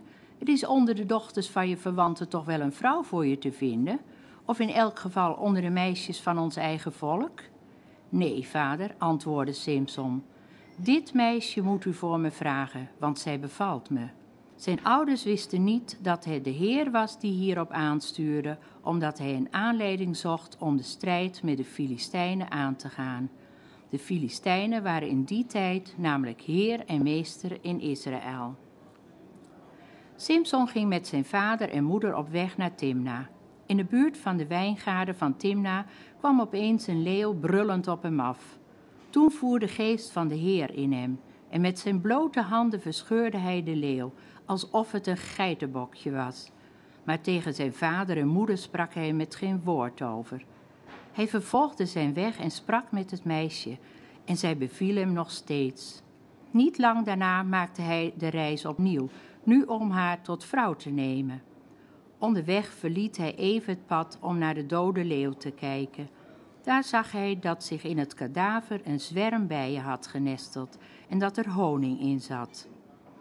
Met zijn blote handen haalde hij de honing eruit en al etend liep hij terug naar zijn ouders.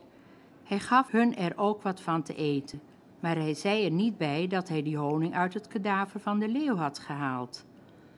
Zijn vader ging naar het ouderlijk huis van het meisje. Simpson gaf daar een feestje, want zo hoorde dat wanneer een jonge man ging trouwen. Na de kennismaking werden dertig van zijn leeftijdsgenoten uitgekozen om het feest bij te wonen. Simpson zei tegen hen: Laat ik jullie een raadsel opgeven. Als jullie me binnen zeven dagen van dit feest de oplossing vertellen, krijgen jullie alle dertig een stel onder- en bovenkleren van mij.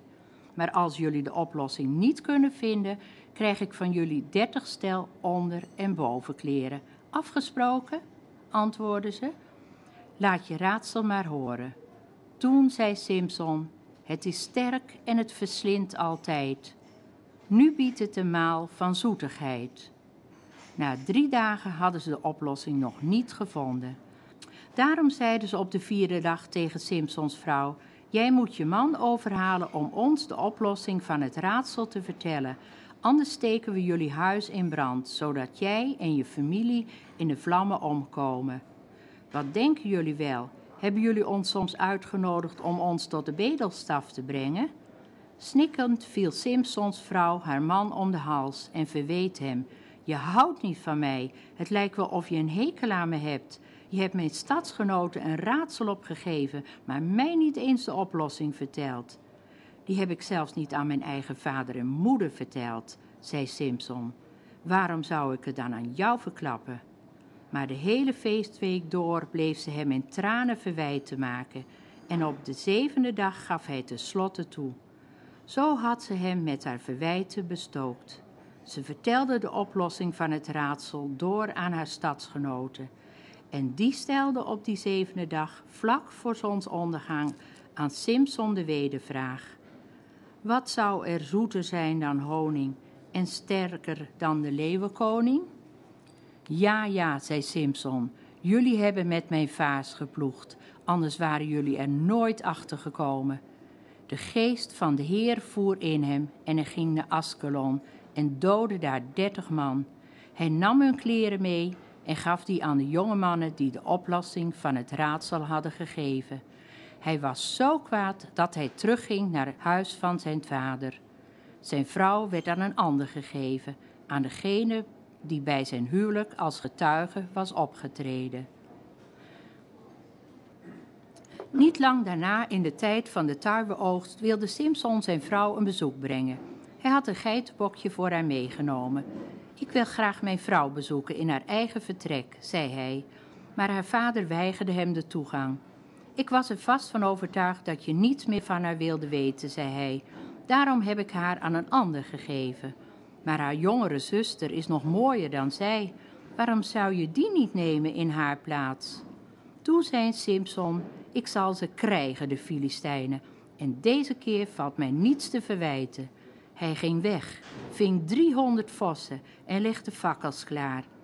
De vossen bond hij twee aan twee met de staarten aan elkaar, steeds met een fakkel ertussen. Toen stak hij de fakkels aan en stuurde de vossen de korenvelden van de Filistijnen in. Zo stak hij alles in brand. Niet alleen de korenschoven en het koren dat nog op de akker stond, maar ook de wijngaarden en de olijfgaarden. De Filistijnen wilden weten wie daarvoor verantwoordelijk was. Toen ze erachter kwamen dat Simson het had gedaan omdat zijn schoonvader hem zijn vrouw had afgenomen en haar aan een ander had gegeven, staken ze het huis van Simsons schoonvader in Timna in brand, zodat Simsons vrouw en haar vader in de vlammen omkwamen. Toen zei Simson: Oh, gaat het er hier zo aan toe? Dan zal ik niet rusten voor ik me gewroken heb. En hij sloeg er ongenadig op los en maakte talloze slachtoffers. Daarna trok hij zich terug onder een overhangende rots bij Etam. De Filistijnen vielen daarop Juda binnen, sloegen hun kamp op bij Legie en begonnen zich vandaar te verspreiden. De Judeërs vroegen hun waarom ze hun gebied waren binnengevallen en kregen als antwoord: We zijn gekomen om Simson gevangen te nemen. We willen hem betaald zetten wat hij ons heeft aangedaan. Toen gingen 3000 Judeërs naar Simsons rotshol bij Eentam.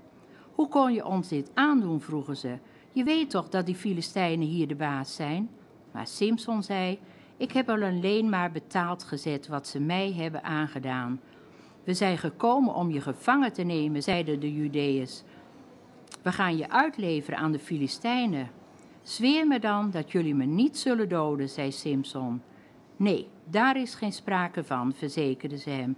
We binden je vast en leveren je aan en uit maar doden zullen we je niet. Ze boeiden hem met twee nieuwe touwen, leidden hem uit zijn rotshol en brachten hem naar Legie, waar de Filistijnen juichend op hem afstormden. Toen voer de geest van de Heer in hem. De touwen waarmee hij was gebonden leken wel vlas dat wegschroeit in het vuur. Zo makkelijk vielen ze van zijn armen en zijn polsen. Hij zag een ezelskaak liggen. Het bot was nog hard. Hij raapte het op en sloeg er duizend man mee dood. Met een ezelskaak heb ik hun botten gekraakt. Met een ezelskaak heb ik er duizend geraakt, riep hij uit en gooide het bot weer weg. Hij noemde die plek Ramat Legi. Hij had ondertussen erge dorst gekregen en daarom riep hij tot de Heer: Aan u, Heer, heb ik deze geweldige overwinning te danken. Moet ik nu sterven van de dorst en alsnog in handen vallen van die onbesnedenen? Toen liet God in de kom van het dal bij Legie de aarde openbasten. Er kwam water uit en Simson dronk ervan, zodat hij weer helemaal op krachten kwam. En hij noemde die bron, die tot op de dag van vandaag bij Legie is te vinden, En Hakor. Tijdens de Filistijnse overheersing trad Simson twintig jaar lang op als rechter. Mijn naam is Joost Molenaar. Ik lees u rechters van 16 tot en met 18. Op een keer was Simson in Gaza. Daar viel zijn oog op een hoer en hij ging bij haar naar binnen. De inwoners van Gaza kwamen erachter dat Simson in de stad was. De waakzaamheid in de stad werd verhoogd en bij de stadspoort hield een aantal mannen zich gereed om hem te overmeesteren. Verder deden ze die dag nog niets. Zodra het licht wordt, zullen we hem doden, zeiden ze. Maar Simson sliep niet langer dan tot middernacht, toen stond hij op. Bij de stadspoort gekomen greep hij de beide deurposten vast en rukte ze los met deuren en sluitbalk en al. Hij nam het hele gevaarte op zijn schouders en droeg het weg. Helemaal naar een van de bergtoppen tegenover Hebron. Enige tijd later begon Simson een verhouding met een vrouw uit het Sorekdal, een zekere Delila. De Filistijnse stadsvorsten gingen naar Delila toe en zeiden tegen haar: Haal Simson over om u te vertellen waarom zijn geweldige kracht schuilt en wat we moeten doen om hem weerloos te maken. Dan kunnen we hem gevangen nemen, zodat we geen last meer van hem hebben, en krijgt u van ieder van ons 1100 shekel zilver. Dus vroeg Delila aan Simson: Vertel me eens, waarin schuilt toch je geweldige kracht? Hoe kan iemand je zo boeien dat je weerloos wordt? Simson antwoordde: Als ik geboeid word met zeven verse, soepele pezen, dan ben ik even zwak als ieder ander. De Filistijnse vorsten stuurden Delila zeven verse, soepele pezen. Daarmee bond ze hem vast, terwijl in het vertrek ernaast een aantal Filistijnen klaarstond om hem te overmeesteren. Toen riep ze: De Filistijnen komen je halen, Simson. Maar hij liet de pezen knappen als hennepvezels die te dicht bij het vuur komen. Het geheim van zijn kracht bleef in raadselen gehuld. Wat is dat nu? Zei Delila tegen Simson. Je hebt me voor de gek gehouden en leugens opgedist. Vertel me nu echt hoe je geboeid moet worden.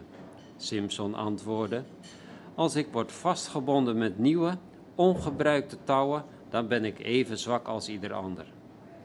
Toen nam Delila nieuwe touwen en bond hem daarmee vast. Weer riep ze: De Filistijnen komen je halen, Simson. Maar terwijl de Filistijnen al klaar stonden om hem te overmeesteren, liet Simson de touwen als draadjes van zijn arm knappen. Je hebt me weer voor de gek gehouden en met leugens afgescheept, zei Delila. Vertel me nu eindelijk hoe je geboeid moet worden. En Simson zei: Als je mijn zeven haarvlechten inweeft in het weefgetouw en met een pin vastzet in de wand, dan ben ik even zwak als ieder ander. Zodra hij in slaap was gevallen, weefde Delila zijn zeven haarvlechten door de schering van haar weefgetouw en stak het weefsel vast met een pin. Toen riep ze: De Filistijnen komen je halen, Simson. Simson werd wakker, rukte de pin los en trok zijn haarvlechten uit het weefgetouw met schering en al. Hoe kun je zeggen dat je van me houdt, zei Delila. Je vertrouwt me niet eens. Tot drie keer heb je me voor de gek gehouden in plaats van me te vertellen waarin je geweldige kracht schuilt. Zo bleef ze hem dag in, dag uit met verwijten bestoken en drong net zo lang aan tot hij het niet meer uithield en bezweek. Nog nooit heeft een scheermes mijn hoofd aangeraakt, vertrouwde hij haar toe. Dat is omdat ik al vanaf de moederschoot als Nazireër aan God gewijd ben. Als mijn hoofdhaar zou worden afgeschoren, zou mijn kracht me in de steek laten en zou ik net zo zwak zijn als ieder ander. Delila voelde dat hij ditmaal de waarheid had verteld en stuurde de Filistijnse vorsten de boodschap: Deze keer moet u zelf komen, want nu heeft hij mij de waarheid toevertrouwd. Ze kwamen naar haar toe en brachten het geld voor haar mee. Zodra Simson in haar schoot in slaap was gevallen, liet ze een van de Filistijnen binnenkomen en in diens bijzijn schoor ze Simsons zeven haarvlechten af. Daardoor week zijn kracht en zo maakte zij hem weerloos. De Filistijnen zijn er om je te halen, Simson, riep ze. Simson werd wakker en wilde opspringen en zich losrukken, net als de vorige keren, want hij wist niet dat de Heer hem verlaten had. Maar de Filistijnen grepen hem, staken zijn ogen uit en voerden hem mee naar Gaza, geboeid met bronzen ketenen. In Gaza werd hij in de gevangenis gezet waar hij meel moest malen. Maar zijn afgeschoren haar begon meteen weer aan te groeien. Onze God heeft onze vijand Simson aan ons uitgeleverd, verklaarden de Filistijnse vorsten. En daarom hielden ze een groot offerfeest ter ere van hun god Dagon. Bij het zien van Simson juichte het volk: Gelooft zij onze God, want hij levert aan ons uit onze vijand die ons land verwoestte, onze vijand die zoveel van ons doodde. Ze waren in een steeds vrolijker stemming geraakt en tenslotte had iemand voorgesteld: laten we Simpson erbij halen, dan kunnen we lachen. Simpson werd uit de gevangenis gehaald en moest, om de feestgangers te vermaken, tussen de zuilen van de tempels gaan staan. Hij vroeg aan de jongen die hem geleidde: Zet me zo neer dat ik de zuilen kan aanraken waarop de tempel rust. Dan kan ik daartegen steunen. De tempel was vol mensen, onder wie de Filistijnse stadsvorsten, en er waren ook nog zo'n 3000 mannen en vrouwen op het dak geklommen om naar Simson te kijken en hem uit te jouwen.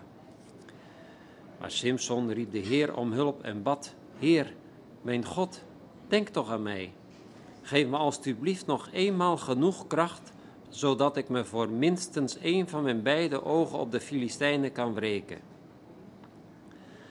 Voorzichtig betastte hij de twee middelste steunpilaren van de tempel, zette zich met beide handen schrap en riep uit: Mijn dood zal de dood zijn van de Filistijnen. Toen duwde hij uit alle macht. De tempel stortte in en alle aanwezigen, ook de stadsvorsten, werden bedolven. Zo maakte Simson bij zijn dood meer slachtoffers dan tijdens zijn hele leven. Zijn verwanten, zijn hele familie van vaders kant kwamen naar Gaza om zijn lichaam op te halen. Ze namen het mee en begroeven het tussen Sora en Estaol, in het graf van zijn vader Manoach. Twintig jaar lang had hij Israël geleid. In die tijd leefde er in het bergland van Ephraim een man met de naam Micha. Op zekere dag zei hij tegen zijn moeder: Laatst is er toch 1100 shekel zilver van u gestolen? U hebt toen in mijn bijzijn een vloek uitgesproken. Dat geld heb ik. Ik heb het gestolen. Mogen de Heer je zegenen, mijn zoon, antwoordde zijn moeder. Hij gaf de 1100 shekel zilver aan haar terug, maar zij zei: Ter wille van mijn zoon weet ik mijn zilver aan de Heer om er een beeld mee te laten beslaan. Hier heb je het geld terug. Maar hij gaf het weer aan zijn moeder en zei: Bracht 200 shekel naar de zilversmid, die er een houten beeld mee besloeg dat in Micha's huis kwam te staan. Micha had namelijk voor zichzelf een heiligdom ingericht. Hij had een priestergewaad en verschillende godenbeeldjes laten maken en een van zijn zonen als priester aangesteld. In die tijd was er geen koning in Israël. Iedereen deed wat in zijn eigen ogen goed was. Nu was er een jonge leviet die verblijf hield in het stamgebied van Juda en in Bethlehem woonde. Op zekere dag vertrok hij uit Bethlehem om een andere verblijfplaats te zoeken. Zijn weg voerde hem door het bergland van Ephraim langs het huis van Micha. Waar komt u vandaan? vroeg Micha. En de leviet antwoordde: Ik ben een leviet. Ik heb een tijd lang in Bethlehem in Juda gewoond en nu zoek ik elders onderdak. Toen zei Micha: Kom dan bij mij wonen. Als u mijn raadgever en priester wilt worden, zal ik u tien shekel zilver per jaar betalen en u van kleding en levensmiddelen voorzien. Na enige aarzeling besloot de leviet bij Micha te blijven. Micha behandelde hem als een eigen zoon en stelde hem als priester aan. Zo kwam de leviet bij Micha in huis terecht. Micha dacht bij zichzelf, nu ik een leviet als priester in dienst heb, ben ik ervan verzekerd dat ik van de Heer niets dan goeds te verwachten heb. Er was in die tijd geen koning in Israël. De stam Dan was nog steeds op zoek naar een eigen grondgebied om zich blijvend te vestigen. Want het was de enige stam van Israël waaraan nog geen grondgebied was toegevallen.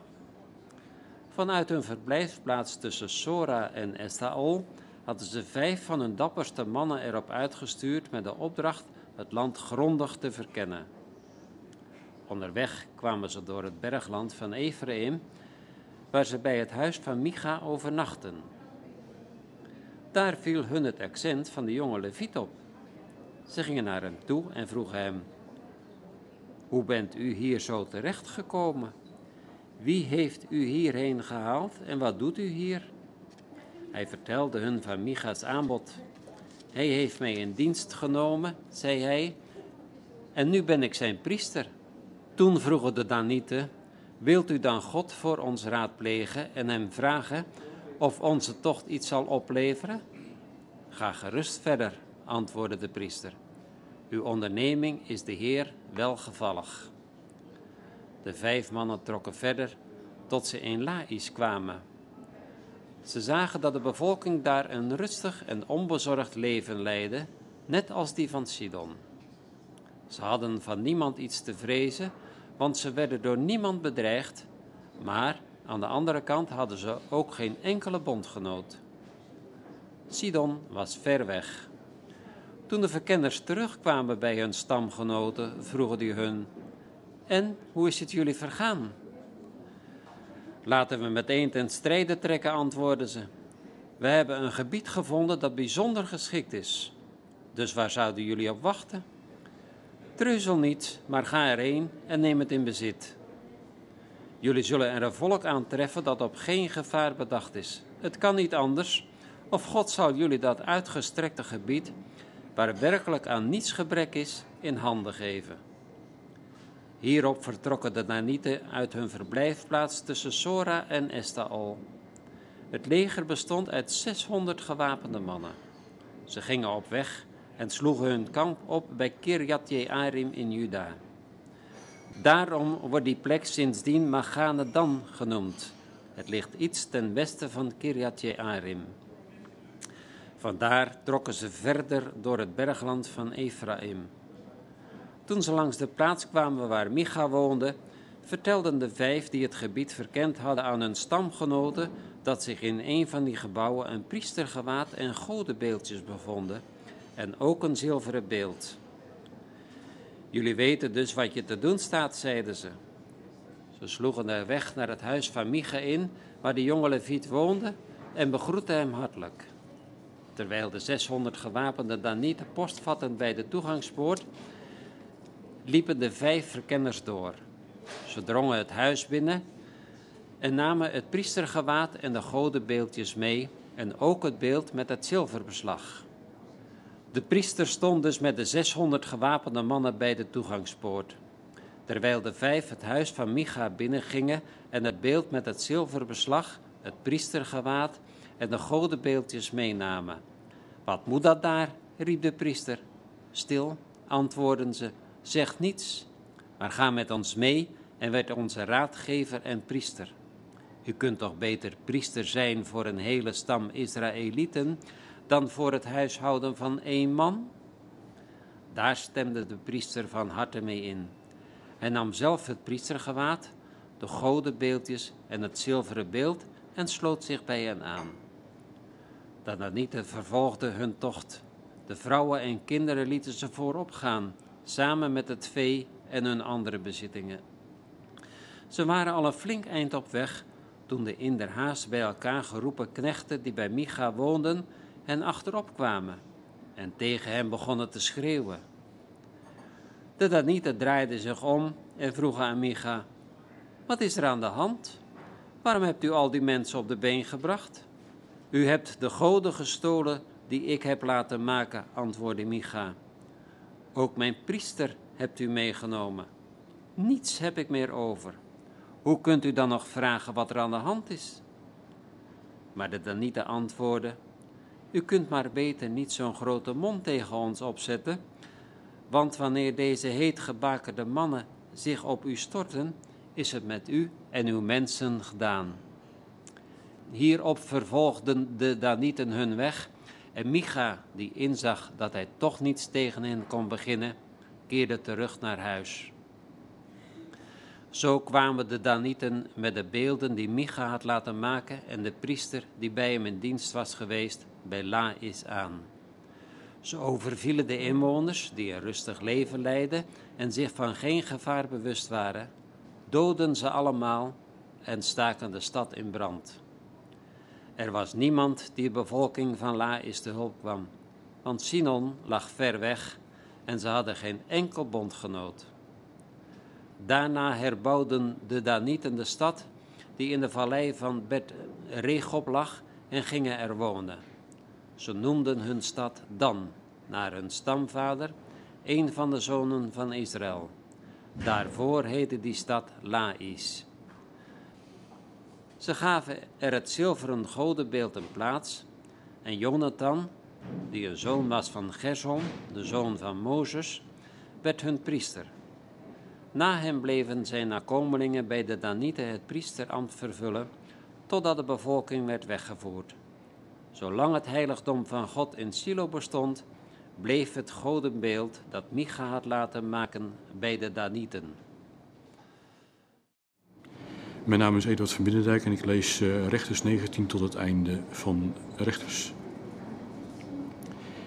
In die tijd, toen er geen koning in Israël was, woonde er een leviet diep in het bergland van Ephraim. Hij had een meisje uit Bethlehem in Juda als bijvrouw genomen.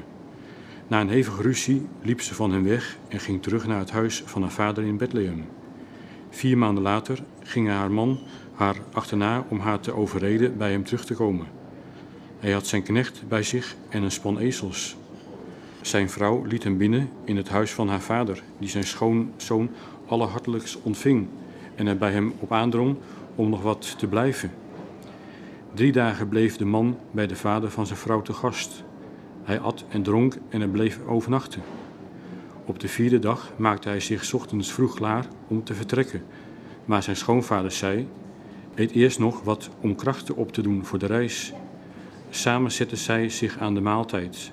Daarna zei de vader van de vrouw: Blijf nog een nacht hier. Gun jezelf dat genoegen. De man wilde eerst toch gaan, maar zijn schoonvader drong zo aan dat hij toegaf en bleef overnachten. Toen hij op de morgen van de vijfde dag wilde vertrekken, zei zijn schoonvader: Eet toch eerst wat en wacht tot de zon over haar hoogste punt is. En weer aten ze samen. Toen de man aanstalten maakte om met zijn vrouw en zijn knecht te vertrekken, zei de vader van de vrouw: Het is al laat op de dag, blijf toch hier slapen. Kijk maar, de zon begint al te dalen. Blijf nog een nacht hier en gun jezelf toch dat genoegen. Dan kunnen jullie morgen vroeg voor dag en dauw vertrekken. Maar de man wilde niet nog een nacht blijven. Hij zadelde zijn ezels en ging met zijn vrouw op weg.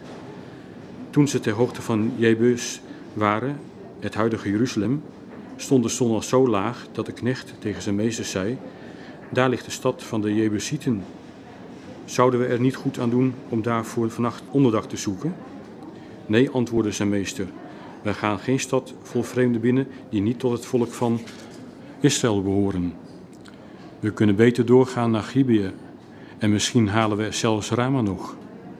Dan kunnen we in één van die plaatsen overnachten. Ze liepen dus de stad voorbij en gingen verder. Juist bij zonsondergang kwamen ze bij Gibeah in het gebied van Benjamin. Ze gingen de stad binnen om er de nacht door te brengen.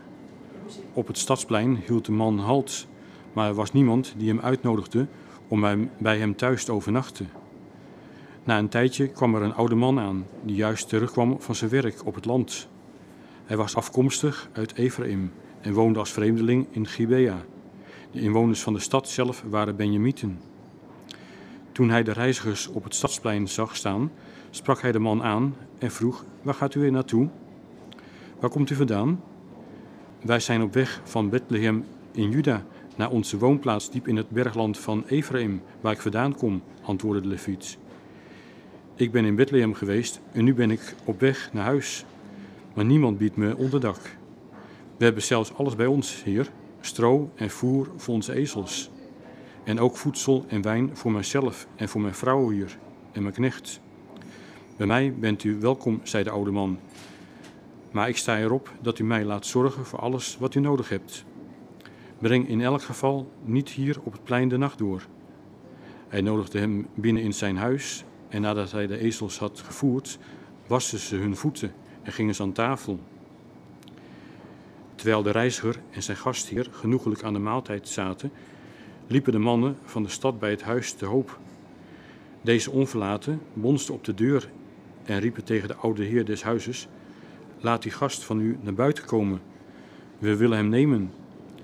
De gastheer ging naar buiten en zei tegen hem: Mensen, begaat toch geen schandaad Zoiets kunt u niet doen. Deze man is bij mij te gast. Ik heb hier mijn dochter, die nog maagd is, en de bijvrouw van mijn gast. Laat me die naar buiten sturen. Neem hen maar en doe met hen wat u wilt, maar doe deze man hier zoiets schandelijks niet aan. De belagers gingen daar niet op in, maar toen de leviet zijn vrouw de straat opduwde, naar hen toe, verkrachtte en misbruikte ze haar de hele nacht lang. Pas bij de eerste ochtendgloren lieten ze haar gaan. Terwijl het langzaam licht werd, sleepte ze zich naar huis waar haar man te gast was. Voor de drempel viel ze neer. Toen haar man die ochtend bij de eerste zonnestralen de deur opende en naar buiten ging om zijn reis te vervolgen, zag hij zijn vrouw daar liggen, haar handen uitgestrekt naar de drempel. Sta op, zei hij tegen haar. Kom, we vertrekken. Maar er kwam geen antwoord. Hij tilde haar op de ezel en vertrok naar zijn woonplaats. Bij zijn thuiskomst nam hij zijn mes en sneed het lichaam van zijn vrouw in twaalf stukken.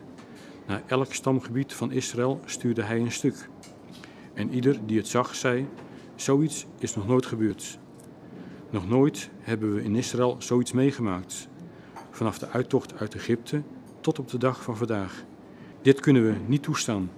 We moeten ons beraden en besluiten wat we zullen doen. Uit heel Israël, van Dan tot Berseba en zelfs uit Gilead, kwamen de Israëlieten naar het heiligdom van de Heer in Mispa om daar een volksvergadering te houden.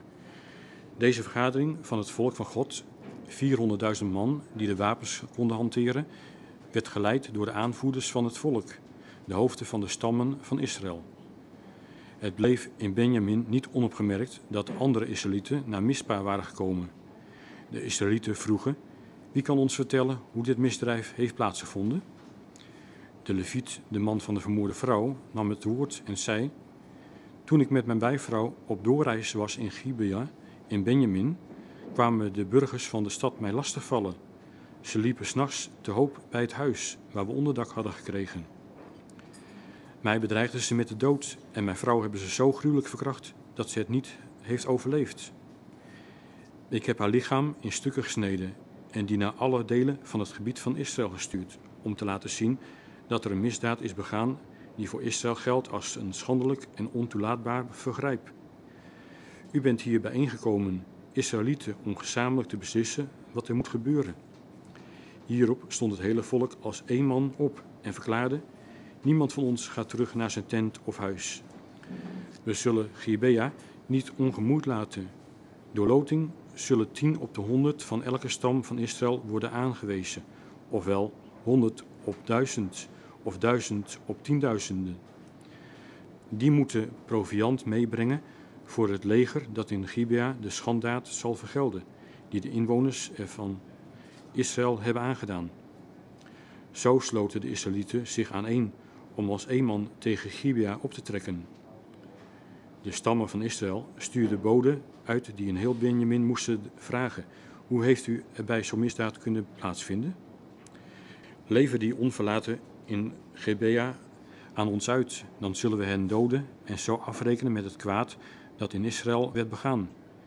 Maar de Benjaminieten gaven geen gehoor aan de oproep van hun volksgenoten. Uit alle steden in hun stamgebied kwamen ze naar Gibea om de strijd aan te binden tegen de andere Israëlieten. Afgezien van de inwoners van Gibea, zelf meldden zich uit de steden van Benjamin 26.000 man die de wapens konden hanteren. 700 van hen waren uitzonderlijk goede krijgslieden. Dat waren 700 linkshandige slingeraars die zo haar scherp konden mikken dat ze hun doel nooit misten. De overige Israëlieten, met uitzondering dus van Benjamin, telden 400.000 man die de wapens konden hanteren. Het waren stuk voor stuk ervaren krijgslieden. Voor de aanvang van de strijd gingen de Israëlieten naar Bethel om God te raadplegen. Wie van ons moest als eerst oprukken tegen de Benjamieten? vroeg ze. Juda antwoordde de Heer. De volgende morgen vroeg, sloegen de Israëlieten hun kamp op bij Gibea. Ze rukten uit tegen de Benjamieten en stelden zich in slagorde op om de stad aan te vallen. Het leger van Benjamin deed een uitval vanuit de stad en doodde die dag 22.000 man van Israëls leger.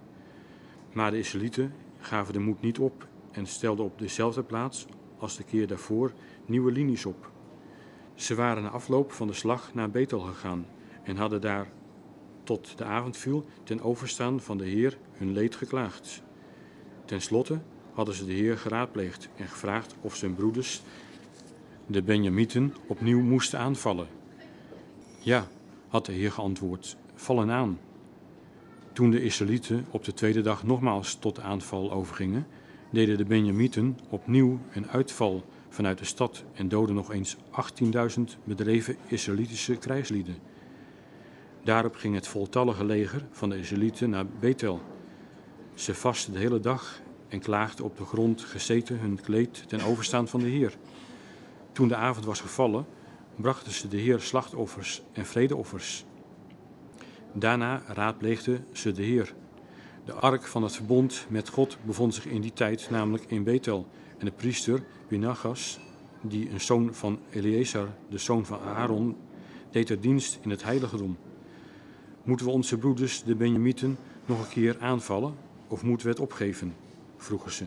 En de Heer antwoordde: Val aan, morgen lever ik hen aan jullie uit. Enkele Israëlitische eenheden stelden zich verdekt op rondom Gibea.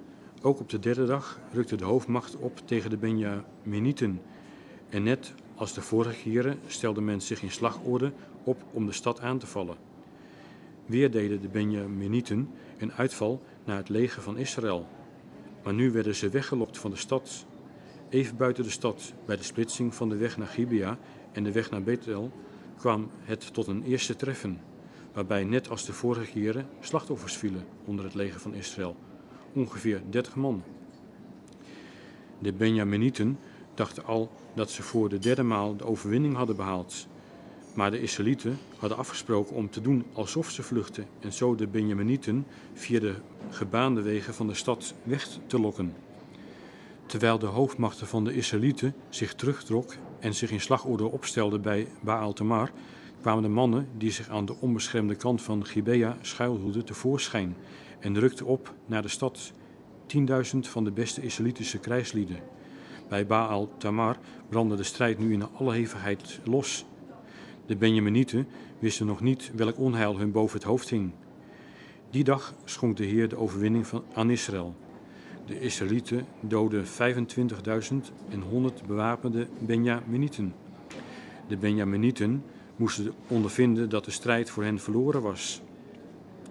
De Israëlieten waren immers zo ver teruggeweken omdat ze rekenden op de mannen die zich bij Gibea verdekt hadden opgesteld.